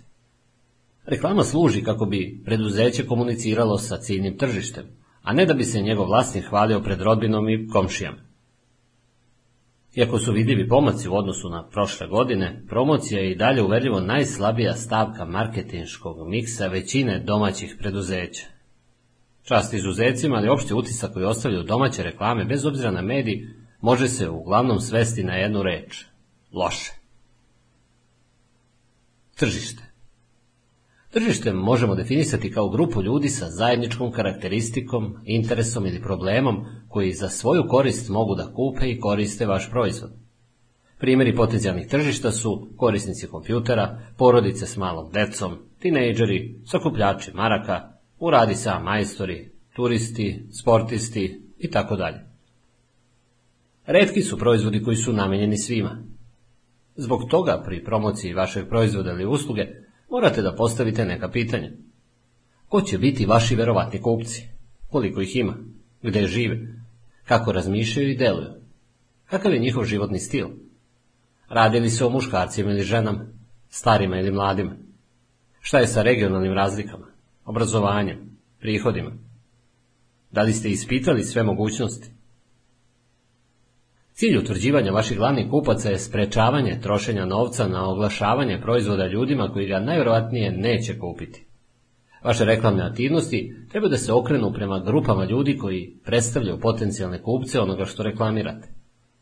Te grupe nazivamo ciljnim tržištem. Marketinški način poslovanja sastoji se od utvrđivanja želje i potrebe ciljnog tržišta te ostvarivanja istih putem vaših proizvoda ili usluga. Ili jednostavnije, proizvodite ono što možete da prodate, umjesto da prodajete ono što možete proizvesti. To je princip na kojem počiva čuvena izreka pronađite potrebu i zadovoljite je. Segmentacija U doba kada je Henry Ford bio vladar Motor City Detroita, njegov je Ford Motor Company proizvodio samo jednu vrstu automobila. Čuveni model T, popularno nazvan Limeno Lizzy. Očito, ime se ciljalo na masovno tržište, tržište koje je želelo sredstvo za osnovni transport i kojeg nije bilo previše briga kako dotično vozilo izgleda, kolike su mu performanse te kakvu opremu posjeduje. Kupac može birati boju automobila sve dok je ona crna, čuvena je Fordova izreka. Masovno tržište je funkcionisalo u toj prvoj polovini veka, ali ne i danas. Početkom 21. veka, onaj ko želi da proizvodi proizvod za sve, obično završi proizvodeći proizvod ni za koga. Jedini način zadovoljavanja svih na potpuno različitim tržištima jeste da se ponude proizvodi izrađeni po meri ili narudžbi. To je naravno nemoguće osim u nekim ekstremnim situacijama. Stoga se koristi proces koji nazivamo segmentacija, deljenje velikog tržišta u male segmente koji čine pojedinci ili preduzeća sličnih karakteristika, ponašanja, želja ili potreba. Svakom od ovih segmenata pristupa se s različitim proizvodom, s različitom cenom, distribucijom i pre svega reklamom. Segmentirajući tržište, delite ga u segmente čije je potrebe lakše definisati i prepoznati. A onda zadovoljite te potrebe. Na primjer, Tržište satova je prilično segmentirano. Recimo Swatch nudi mladima moderno dizajnirane, šarene, praktične i relativno pristupačne plastične satove. Kupci Rolexa s druge strane traže ekskluzivne satove od najskupljih materijala. Segmentacija nije samo od koristi velikim preduzećima, ona je izuzetno oružje onih najmanjih.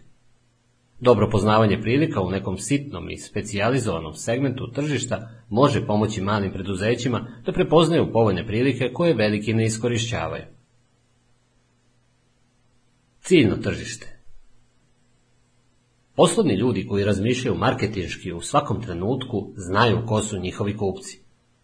Tržište uključuje sve postojeći i potencijalne kupce koji imaju zajedničku želju ili potrebu, te koji su spremni da daju svoj novac ne bi je zadovoljili. Svi vaši marketinški napori trebali bi da počnu s jasnom vizijom o tome koga zapravo želite da zadovoljite.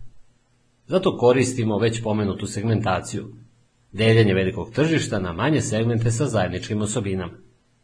Segmenti tržišta čije ste želje i potrebe odlučili da zadovolje, vaša su ciljna tržišta. Njih odvajate od ostalih tržišta, zato jer se sastoje od potrošača za koje je izvesno da će kupiti vaše proizvode. Na tržišta možete gledati različito. Kvartovi, mesta, gradovi ili regije predstavljaju geografska tržišta. Identifikujući geografske granice vašeg ciljnog tržišta, bez obzira radilo li se o tri ulice koje okružuju vaš mini market, o cijeloj državi ili čak kontinentu, to vam pomaže da definišete distribucijske potrebe, vašu konkurenciju i oglašavanje. Očito, neće vam se isplatiti da se oglašavate izvan teritorije koju pokrivate. Reči demografija, poput demokratije, dolaze od grčke reči demos, što znači narod.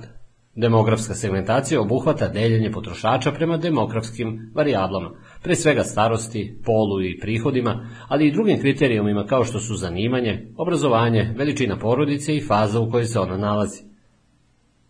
Iako su geografska i demografska segmentacija još uvijek glavni metodi segmentacije, sve se češće pokazuje potreba za punijim i životnijim portretom potrošača, posebno na novim tržištima.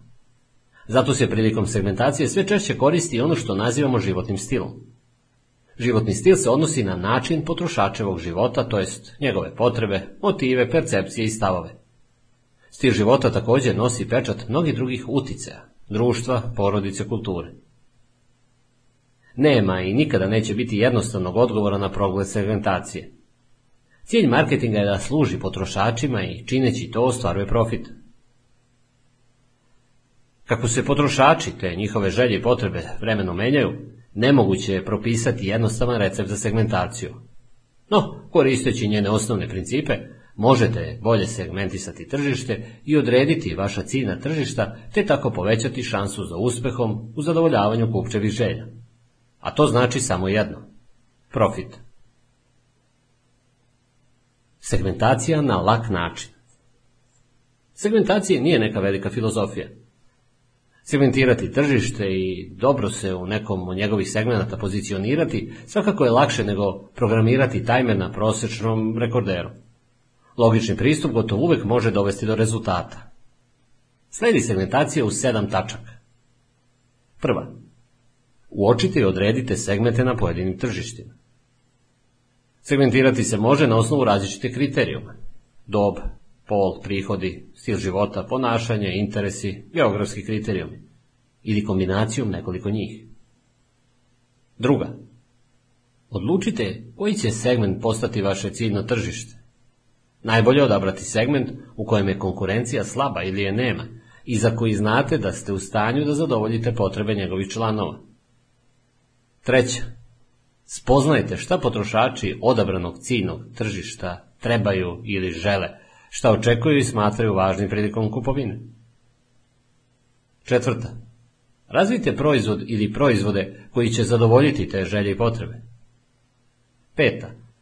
Ocenite položaj konkurencija koji ima i u svesti potrošača na odabranom tržišnom segmentu. Šesta.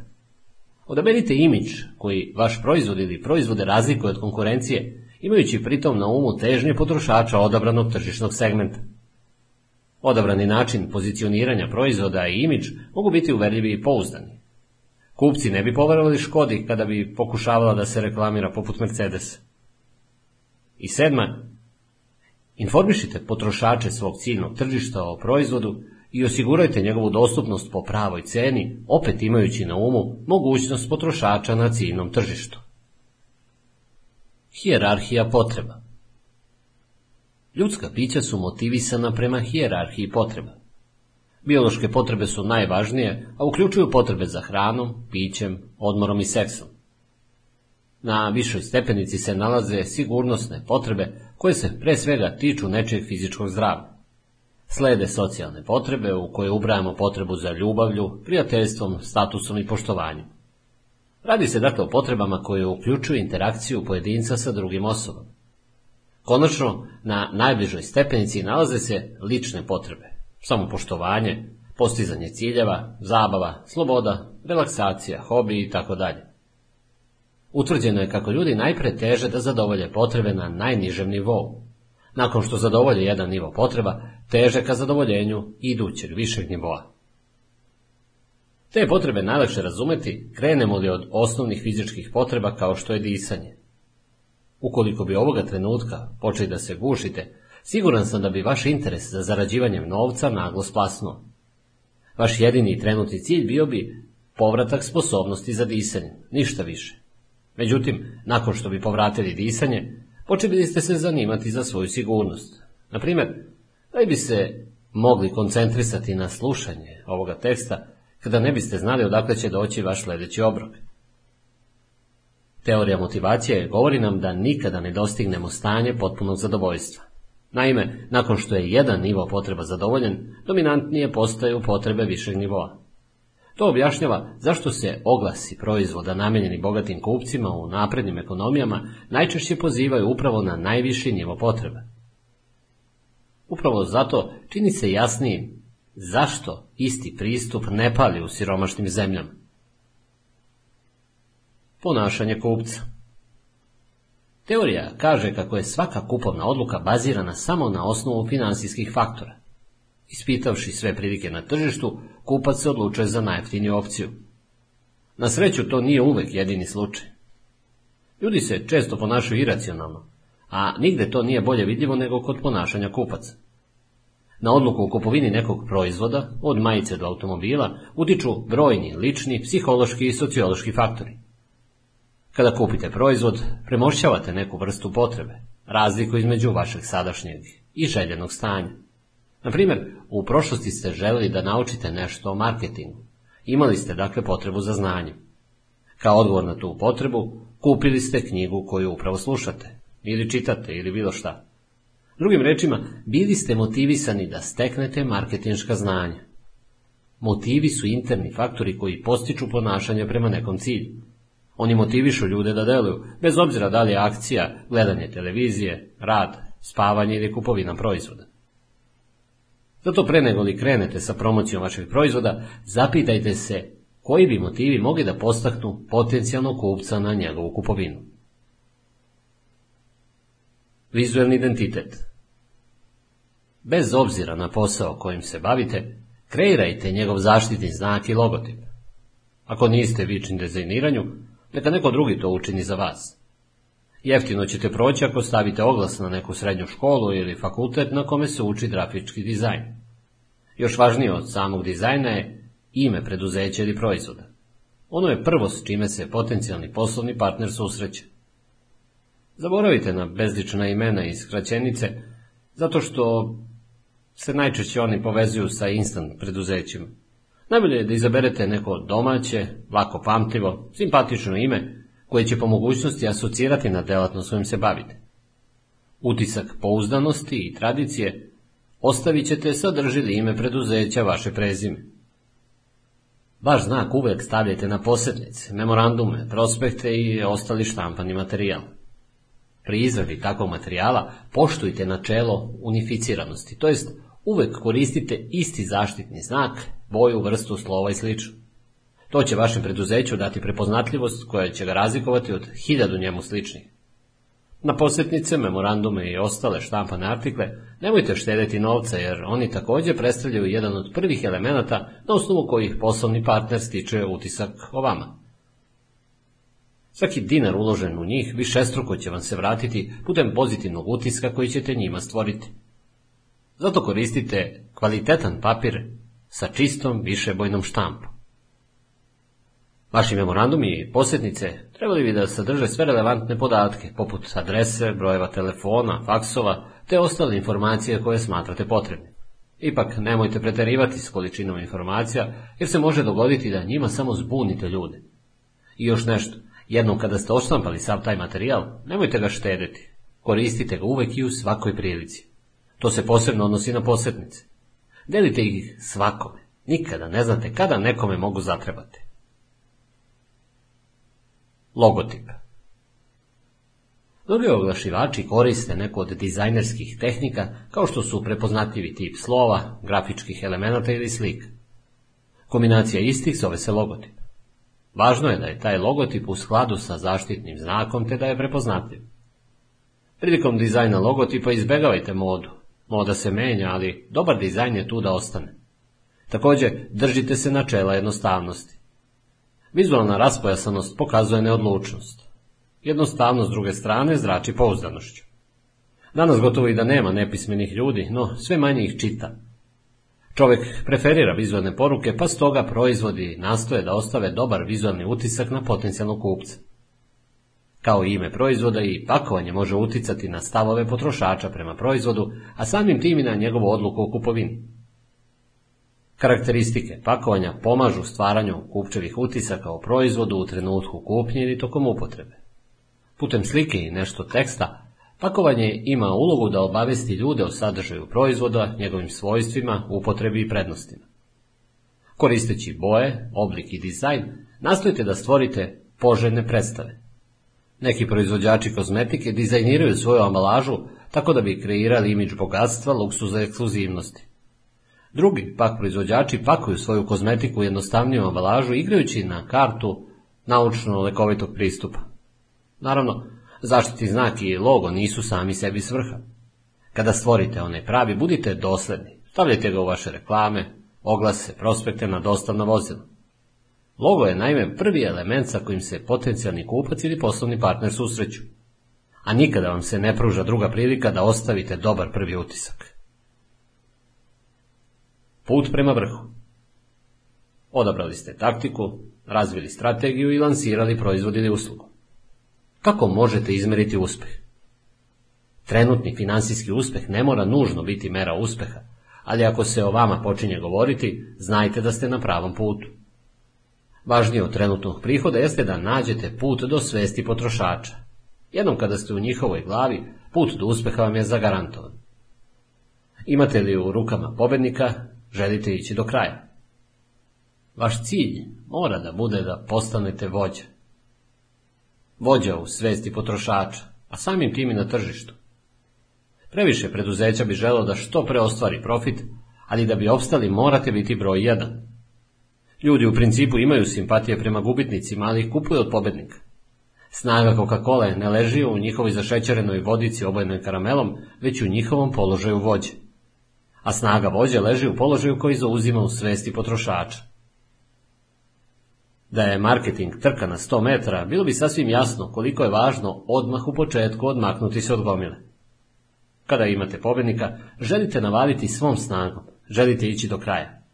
Ako niste dovoljno brzi, dopuštate konkurentima da žanju plodove napora koje ste vi posejali. Odmaranje na lovorikama prvog uspeha činit će vas lako metom za konkurenciju. Jer suština marketinške pobede sastoji se u tome da navalite svom snagom. Morate nastupiti bez povlačenja. Ići do kraja. Ostalo je za gubitnike. A šta je s vama? Kakve su vaše šanse da marketingom postignete velike stvari poput Bill Gatesa ili neki od preduzetnika o kojima pričamo u ovoj knjizi? Ili da barem postanete lokalni tajkun? Male. Sreća deluje u oba smera, gore i dole. Da biste postigli uspeh, trebate da imate dobru ideju i morate biti na pravo mesto u pravo vreme. No, marketing nije samo uzbuđenje pobede ili agonija poraza. Kako smo saznali u uvodu, marketing je također i igra. A prema rečima tvorca moderne olimpijade, Pjera Kubertejna, i igra sama po sebi može biti nagrada. No, želite li dobro da odigrate, morate krenuti od dna. Nije li za zaključiti kako je Microsoftov osnivač Bill Gates veliki marketinški guru, zato jer poznaje svoj posao od dna. U njegovom slučaju to je pisanje kompjuterskih programa. Ili Tom Monaghan. Taj čovjek je napravio hiljade testa za picu pre nego li je pokrenuo lanac Domino's Pizza. Na kraju krajeva i ja sam učestvovao u pokoje marketinškoj bici pre nego što sam seo i napisao nešto o tome. Krenite od dna. Spustite, ako ne sebe, onda barem svoje misli u blato. Jedino tako pronaći ćete pobedničku taktiku. Nakon toga morate biti spremni da se usredsredite na razvitak snažne strategije za iskorišćavanje te taktike. U slučaju da vam ne ide, morate biti u stanju da promenite svoju strategiju. Krenete iznova. Niko ne može da predvidi budućnost. Život je kocka. Marketing je život. Dakle, marketing je kocka. Iako bi mi se ovde moglo zameriti u grešci na zaključivanju, ništa nije bliže istini. Jer budete li ispravno razmišljali, ako na terenu pronađete taktiku koja može uspeti, te razvijete li uspešnu strategiju, šanse da nešto postignete na vašoj su strani. Ako vaša marketinška pobeda i ne dospe u neko od idućih izdanja ove knjige, uspeh je nešto što uvek možete staviti u banku. Šesti deo Posao budućnosti Mi ljudi nismo najveće životinje. Nismo ni najjači, ni najbrži. Nemamo ni najoštriji vid, niti njuh. Zanimljivo je kako smo preživeli protiv surovih i mnogo jačih stvorenja prirode. Evoluirali smo pre svega na intelektualnom planu. Naučili smo kako da koristimo oruđe, sagradimo zaklone, izumeli poljoprivredu, pripitomili životinje, stvorili civilizaciju i kulturu, izlečili i sprečili bolesti Alati i tehnologije koje smo stvorili pomogli su nam da oblikujemo svet koji nas okružuje. Alati industrijskog doba pomogli su nam da proširimo kapacitet naših mišića. Alati digitalnog doba proširuju kapacitet naših mozgova. Program ovog kompjutera Kompjuter je izvor zlata. Sve što trebate da znate jeste samo da kopate. U današnjoj eri informatike većina poslova je gotovo nezamisliva bez upotrebe kompjutera. Zato je dobro imati kompjuter i još važnije znati raditi na njemu. To znatno poboljšava produktivnost i kvalitet posla koji obavljate. Mnogo ljudi je svesno činjenice da kompjuter imaju velike mogućnosti, da im mogu znatno olakšati posao i povećati produktivnost, ali ne znaju kako. Najčešću upotrebu kompjutera nalazimo u obradi teksta. Kompjuteri su kao stvoreni za tu vrstu posla. Nakon što jednom napišete tekst na kompjuteru, više nikada nećete hteti da sednete za pisaću mašinu. Osim toga, dopis napisan kompjuterom i oštampan na kvalitetnom štampaču ostavlja kod poslovnih partnera dobar utisak. Nemojte ni pomišljati da napišete poslovno pismo pisaćom mašinom ili rukom. Ukoliko imate potrebu za izdavanje kataloga, brošura i sličnog štampanog materijala, isplati se čak i investirati u manji sistem za stolno izdavaštvo koje se sastoji od računara, laserskog štampača i odgovarajućeg softvera. Poslovni ljudi često koriste i baze podataka. Zahvaljujući velikom kapacitetu spoljnih memorija i brzini pretraživanja, kompjuteri vam omogućavaju da gotovo trenutno dođete do željenih podataka. To mogu, na primjer, biti tehničke karakteristike proizvoda koje prodajete ili podaci o vašim poslovnim partnerima. Cena informatizacije vašeg poslovanja i nije tako velika kao što bi mnogi pomislili. Upotrebljiv polovan kompjuter sa potrebnom opravom može se nabaviti već i za manje od 600 evra. Za one koji puno vremena provode na terenu, pravo rešenje predstavljaju prenosni kompjuteri. Tehnologija je toliko napredovala da računar dimenzije dva puta veći od knjige koju možete držati u ruci ima performanse poput velikog kompjutera. Ipak valja napomenuti da laptop košta najmanje 50% više od stonog računara. Razlika koju plaćate zove se apsolutna mobilnost. Ukoliko niste upućeni u rad s kompjuterima, ne očajavajte. Upotreba kompjutera nije komplikovana kao što se na prvi pogled može činiti, pa prosječno inteligentan čovek može savladati osnove u svega nekoliko dana. Kursevi nisu loše mesto na kojima možete da naučite da radite sa kompjuterom. Ipak preporučujemo da nađete nekog klinca iz komšiluka koji će vam puno jeftinije i brže objasniti ono šta se uči na kursevima. Vezano uz kompjuter je jedna napomena. Želite li da jednoga dana postanete bogataš, Nemojte da instalirate kompjuterske igre na vaš kompjuter. One su tako lepe, simpatične i šarene da će vam odvući pažnju od svakog drugog posla. Zahvaljujući igrama, mnoge su američke firme izgubile više novaca nego zbog sve japanske ili evropske konkurencije zajedno. Recite ne igrama. Sledeća zlatna groznica. Mnogi veruju da će internet baziranoj trgovini u Evropi stvarno krenuti kada internet korisnici budu u većini u odnosu na nekorisnike. Ti novi korisnici ne moraju nužno biti i korisnici kompjutera. U SAD otprilike polovina domaćinstava posjeduje PC, ali i u Evropi i drugim krajima sveta udeo PC je znatno manji. Stoga se očekuje da će dobar deo e-trgovine u Evropi doći putem digitalne televizije i mobilnih telefona povezanih na internet. Dok američki kupci i trgovci luduju za čudima online kupovine, interes Evropljana i dalje zaostaje. Neki analitičari smatruju da je to zbog toga što Evropljani tradicionalno zaostaju dve do tri godine za američkim maloprodajnim trendovima. Zaostajanje na području informatičke tehnologije i interneta je zbog prirode sektora znatno manje, ali i oni postoje. Međutim, bum koji ovoga trenutka doživljava internet u evropskim zemljama pokazuje sve američke simptome, pa je za pretpostaviti da će se internet ludilo proširiti starim kontinentom. Predviđa se da će u razdoblju do 2005. godine na području Evrope veliki procenat trgovine da se odvija putem interneta. Tačnije 60% maloprodaje vrednostnih papira, 36% plaćanja računa, 33% trgovine softvera, 20% knjiga, i tako dalje i tako dalje. Htjeli ili ne, Evropa će krenuti pute Amerike. Tako da, samo napred. Biznis budućnosti. U 19. veku industrijska revolucija dovela je do promene tehnologije koja je preoblikovala industriju i trgovinu. Sada, na početku 21. veka, digitalna revolucija, sazidana na nulama i jedinicama binarnog sistema, imaće podjednaki efekat. Na mnogo načina danas smo u situaciji slično ono od pre 100 godina. Da ste 1902. godine uzeli u ruke neku poslovnu knjigu ili novine, pomislili biste da se industrijska revolucija već dogodila. Ali sa današnje perspektive, industrijska revolucija tada je tek počinjena. Zaista lako je zaboraviti da je prošlo svega 50 godina od nastanka prvog komercijalnog kompjutera, 20 godina od prvog PC-a, te svega nekoliko godina od komercijalizacije interneta i eksplozije aktivnosti na World Wide Webu. Svetu trenutno ima preko 400 miliona PC-a. Super kompjuteri prognoziraju vreme i simuliraju nuklearne eksplozije, a sofisticirani programi upravljaju vazduhoplovima i vode multinacionalne korporacije. Iznosi koji se troše na informatičku tehnologiju stalno rastu u svim sektorima ekonomije, iako je cena sirove kompjuterske snage u proteklih 20 godina pala za faktor milion.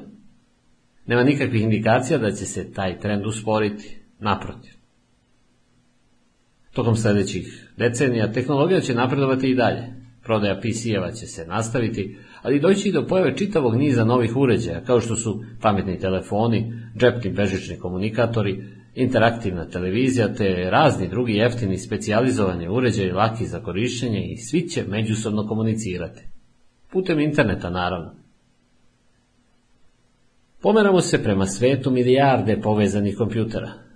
To je kao sedmi kontinent koji nudi trenutni pristup informacijama svih vrsta.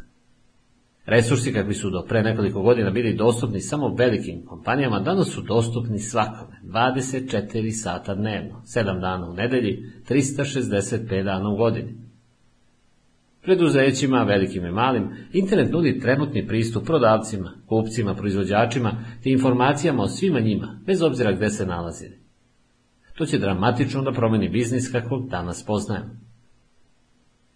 Na primjer, Ko bi pre dve godine mogao predvideti da će mala online knjižara, pokrenuta u garaži, predgrađa Rain City, Seattle, biti vredna 20 milijardi dolara? Velike i uspešne kompanije sada za konkurente imaju tek pokrenute kompanije. Pre nekoliko godina to ne bi bilo moguće. Danas tehnologija malima omogućava da se takmiče sa do nedavno nedodirljivim gigantima. Globalna priroda interneta neminovno znači veliku konkurenciju. Jednom kada stavite svoj proizvod ili prodavnicu na internet, ne možete ne privući globalne kupce. Dok će internet eliminisati tradicionalne posrednike, drugi će pronaći svoju šansu u novim poslovnim prilikama. Ekonomisti govore da se pomeramo iz distribucijske ekonomije u ekonomiju traženja. U tom novom svetu kupci će želeti da kupuju putem interneta, a robu da dobijaju na kućnu adresu. Druga industrijska revolucija, koju još nazivaju digitalnom revolucijom, već ima svoje prvake. Jeff Bezos, koji je pre manje od četiri godine iz svoje garaže pokrenuo Amazon, sada je težak milijarde dolara. Još su bogatiji osnivači Netscape-a, America Online-a i Yahoo-a. Oni i stotine drugih, bivši šmokljani koji su samo u svojim najluđim snovinama mogli da odu na sastanak sa iole lepšom devojkom, danas su bogatiji od prosječnih afričkih država. Razlog tome je što se samo mali broj ljudi može nositi sa kompleksnošću vremena koje dolazi. To se već sada može vidjeti u pojedincima koji shvataju modernu tehnologiju i globalizaciju. George Soros danas zarađuje više novca nego McDonald's, a McDonald's ima 160.000 zaposlenih. Reklamiranje na internetu U internetu kao fenomenu današnjice napisane su brojne studije i knjige. Ono što nas zanima jeste kako da uklopimo internet u svoj marketing. Dakle, što nam na tom planu internet može ponuditi? U prvoj fazi poželet ćete da koristite e-mail, elektronsku poštu. Elektronska pošta funkcioniše po principu one zemaljske. Svaki korisnik interneta ima svoju adresu na koju svaki drugi korisnik može poslati pismo. Elektronska pošta ima funkciju kontakta sa poslovnim partnerima, ali služi kao podrška potrošačima. Oni vam se putem e-maila mogu obratiti za servisnu podršku, informaciju o proizvodima ili naručbinu istih. Na taj način e-mail preuzima deo funkcije telefona. Za razliku od obične pošte, elektronska je u potpunosti besplatna. Uz elektronsku poštu najznačajniji deo interneta jeste World Wide Web. Ako je elektronska pošta virtualni ekvivalent pisma, onda je www virtualni katalog. Svako ko želi uz minimalni trošak od par evra mesečno, može na internet da stavi svoje stranice, to jest slovne i slikovne informacije o svom preduzeću, njegovom proizvodnom programu i uslugama koje nudi.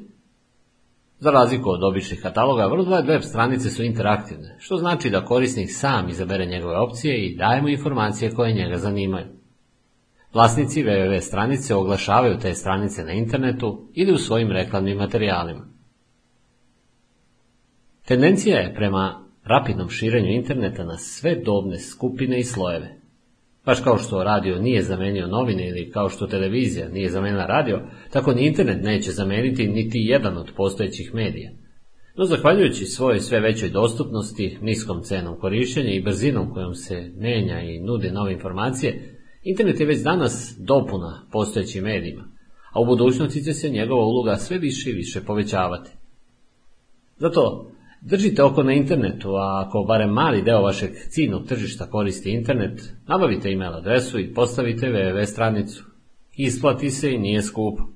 Jer poslovni život je brz i zahteva brzo informacije. Sva sreća da imamo internet. Sedmi deo. Kako dalje? Najlošija investicija je ona koja se na prvi pogled čini kao najbolja. Finansijski inženjering je samo jedna od takvih. Taj i slične investicije privukle su mnogo ljudi ženji brze zarade.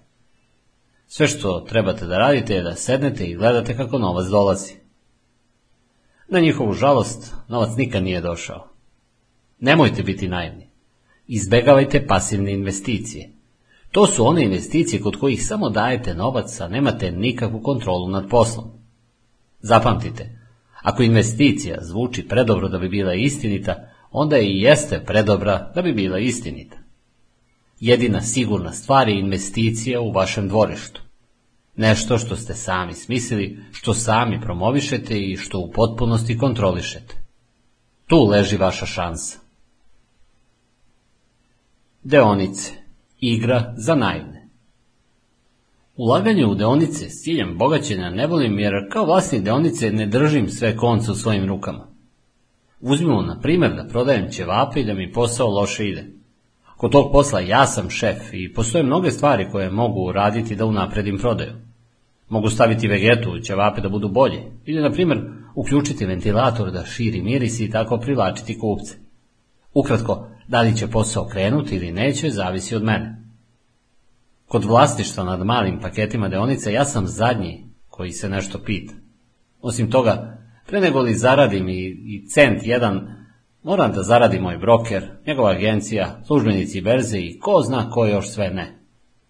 Hrvatsko tržište deonica je još specifičnije, a verovatno i srpsko i ostalo. Ipak brojni ljudi su kupovali deonice preduzeća u kojima rade misleći da će tako zaraditi ili da će ih to zaštititi od otkaza. U većini slučajeva to nije bilo tako. Ukoliko ste imali tu nesreću da ste upisali deonice ili su vam ih poklonili, najpametnija stvar koju možete učiniti je da ih prodate po najboljoj ceni koju možete postići, te da dobijani novac uložite u nešto profitabilnije. Kroz nekoliko godina kada se domaće tržište vrednostnih papira razvije, možete ponuditi dionice vašeg, tada već velikog i uspešnog preduzeća na berzi i tako preko noći stvoriti papirno bogatstvo. Umeđu vremenu, držite se podalje i ulažite u stvari koje razumete. Kupujte jeftine automobile i skupe kuće. Svaki put se iznova začudim kada vidim kako su ljudi spremni da potroše brdo novca, šta više većinu svog imetka na auto, iako su i sami savršeno svesni činjenice da će kroz deseta godina njihova investicija postati ništa drugo do hrpa starog vožđa. Postoji nekoliko načina da se rešite troškova oko auta. Najlakši način je da ga prodate i jednostavno krenete dalje bez njega. Treba li vam zaista auto, možete kupiti polovno po povoljnoj cijeni, pod pretpostavkom da ćete ga dobro održavati tako da mu vrednost sporije opada. Razuman čovjek nikad ne kupuje auto čija vrednost prelazi 5% njegove ukupne imovine. Jednom kada budete mogli da kupite novi auto koji će da zadovolji taj uslov, bit ćete bogati. Tada kupite pouzdan i trajan auto koji će vam koristiti u poslu. Luksuzni automobili su snobovska roba. Automobili su obezvređeni. Kuće vam podižu vrednost. Zato pametni kupuju jeftine automobile i skupe kuće. Na ovom stadijumu vašeg života nemojte da se brinete kakvu vrstu auta ili nekog drugog statusnog simbola posjedujete. Uskoro ćete imati jedini pravi statusni simbol, a to je novac. Puno novca. Sa novcem oprezno. Kada vam neko dođe sa zahtjevom da mu pozajmite novac, zamislite da je ta osoba upletena u neku ilegalnu delatnost i uskoro će otići u zatvor ili da će ga zgaziti auto za dva dana nakon što mu vi pozajmite novac. Zamislite da će mu posao propasti. Takve stvari se dešavaju, a onda se možete oprostiti od vašeg novca. Zapamtite, osnovno pravilo vezano za poslovne odnose s drugim ljudima kaže da će ukoliko nešto može da krene naopako, krenuti naopako. Zato je u većini slučaja bolje novac ne pozemljivati. Previše ste se namučili da dođete do njega da biste ga sada bacali u vodu. Jedini izuzetak su pravi prijatelji i bliska rodbina u kojoj imate apsolutno poverenje i za koje znate da bi učinili isto za vas. Jedna od potencijalno najopasnijih vrsta ljudi koje možete sresti u svojoj poslovnoj karijeri nisu ni prevaranti ni pljačkaši. Najopasniji su izumitelji. Oni nemaju nikakve loše namere, većina njih su prilično simpatični ljudi, ali jednom kada vas uvere u svoj izum, velike su šanse da ćete izgubiti novac. Izumi i njihovi izumitelji su vreća bez dna. Često se pokaže da proizvod ne radi tako glatko kao prototip. Najčešće ima nekih sitnih greškica. Sve to košta jako puno novca. Takvu vrstu ulaganja mogu da priušte samo najveće multinacionalne kompanije koje su u današnje vreme nosioci većine tehnološkog napretka u svetu. Čak i kada budete imali puno više novca nego što vi imate sada, nećete moći da priuštite da budete pionir na nekom području. Zdravlje je važno. Jedna od najomiljenijih uzrečica siromašnih ljudi glasi Zdravlje je najvažnije. Zdravlje jeste važno, ali šta će vam zdravlje ukoliko nemate novca da uživate u njemu? S druge strane, nećete moći u potpunosti uživati u novcu ukoliko niste zdravi. Doduše moći ćete da platite najbolje doktore na svetu i kupite sve lekove koje vam trebaju, ali bi ipak bili srećniji da ste potpuno zdravi. Zato pazite na svoje zdravlje. Preduzetnik vodi svoj sobstveni posao. Ukoliko zbog bolesti izgubi kontrolu nad tim poslom, posao najčešće propada. Jednom kada postanete preduzetnik, zaboravit ćete šta znači bolovanje. Vaš osjećaj za posao mora da prevlada bolest. Nažalost, zbog prirode posla, poslovni ljudi najčešće nemaju vremena za svoje zdravlje, pa preduzimaju nešto tek kada se bolest već javi. A znamo za onu staru, bolje sprečiti nego lečiti. Druga poslovica kaže, niko nikada nije umro od prekovremenog rada. Ipak, ljudi oboljevaju od emocionalnih problema, kao što su nervoza i stres, koji uzrokuju stvaranje brojnih bolesti.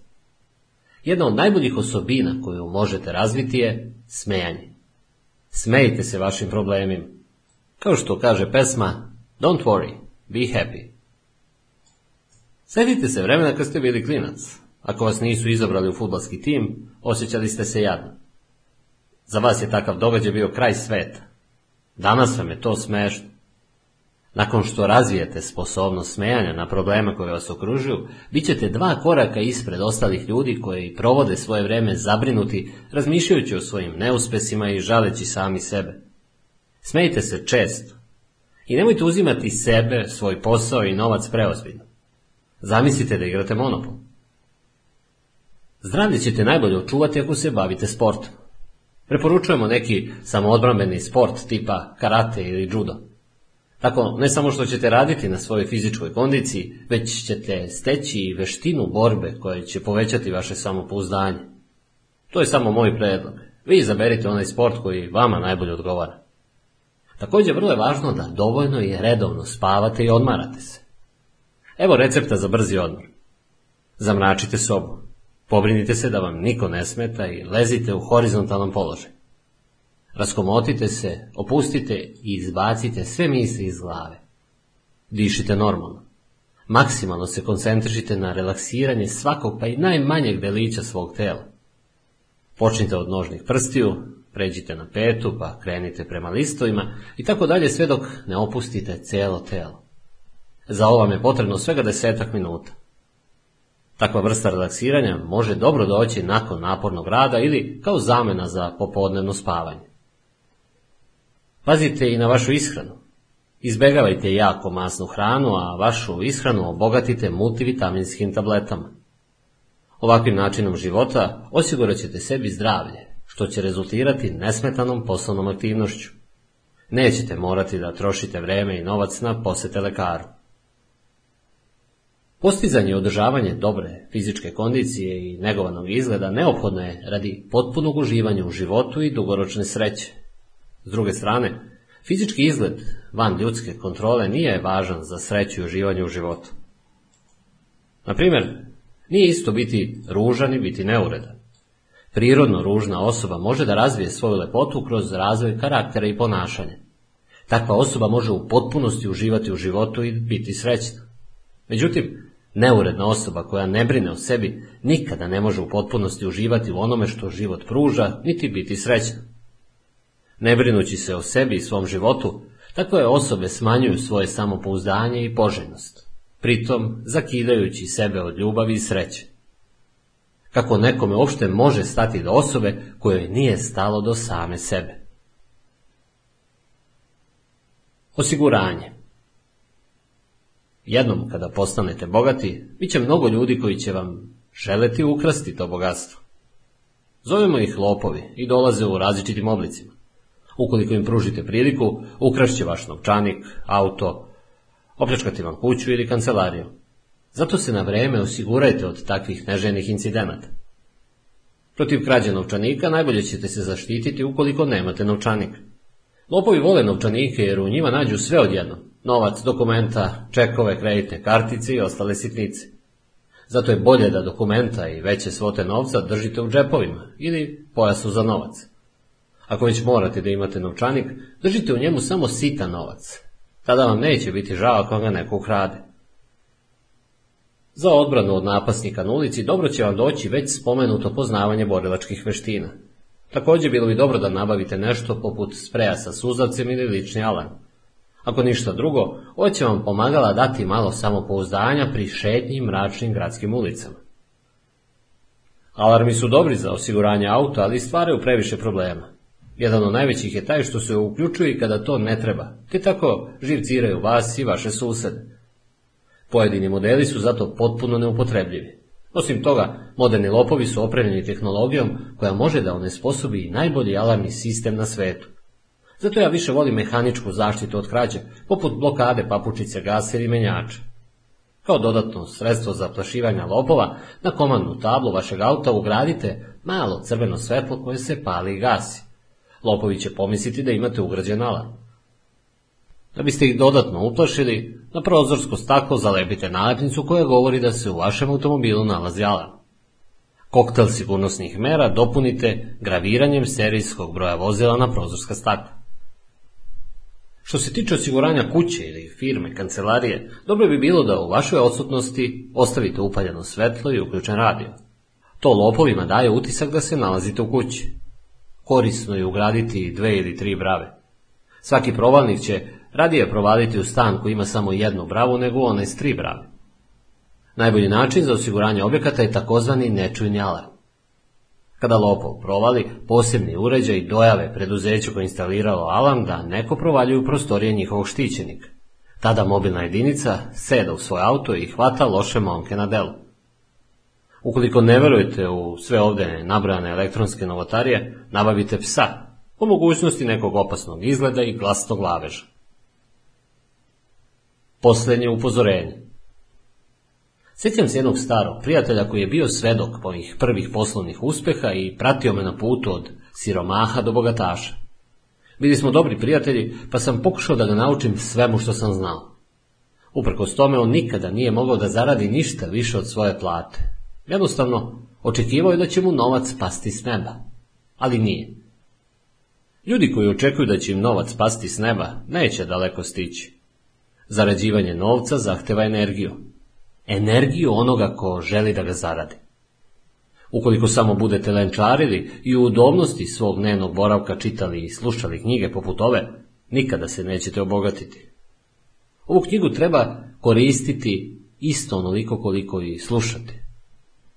U njoj su prikazani principi koje trebate pratiti ukoliko želite da postanete bogati.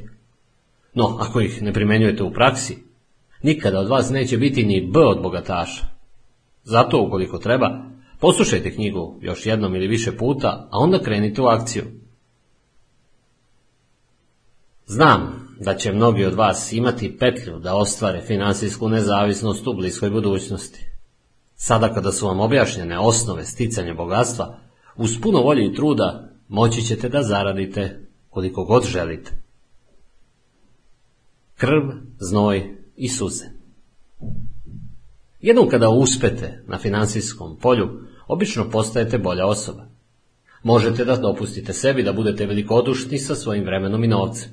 Sva vrata će vam biti širom otvorena, a ljudi će vas pažljivije slušati.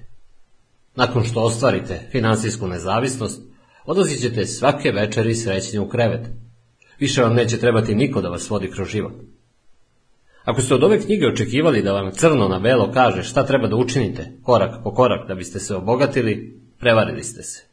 Takva knjiga ne postoji niti će ikada postojati. Život je uradi sam projekat u kome ste vi sam svoj majstor. U proteklim satima nalaze se opšte odrednice i savjeti koji će vam pomoći da se obogatite, ali oni sami po sebi nisu dovoljni.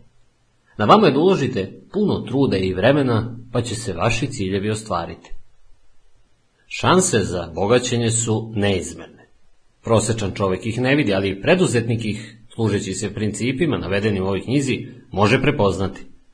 Trud koji ste spremni da uložite i nebo, vaš su jedini limit. Definišite svoje ciljeve te ih napišite crno na belo. Posvetiti sebi jedan dan razmišljanja o sobstvenoj budućnosti donosi vam više nego meseci predanog rada. No, nakon toga nema odmora. Vaši se ciljevi neće ostvarivati sami od sebe. Potrebno će biti uložiti krvi, znoja i suza da bi se oni ostvarili. Dolazak na cilj Nadam se da ste proveli prijatno vreme slušajući ovu knjigu. Ono vam je pokazala kako je od svega samo promena stana. Stalno se menjate i učite. Prihvatajte rizike. Prkosite slabim šansama.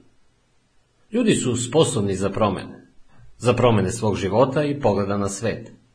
Međutim, da bi bile ostvarene, takve promene moraju se dogoditi kao posljedica sobstvenog izbora motivisane sa sobstvenim željama i ličnim interesom. Značajne istinske promene nikada ne može da nametne neko drugi. Kada shvatite da ste postali bogati, zamislite da imate još samo šest meseci života. Napišite spisak svih stvari koje želite da uradite u tom razdoblju, a zatim ih uradite. Otiđite na put oko sveta.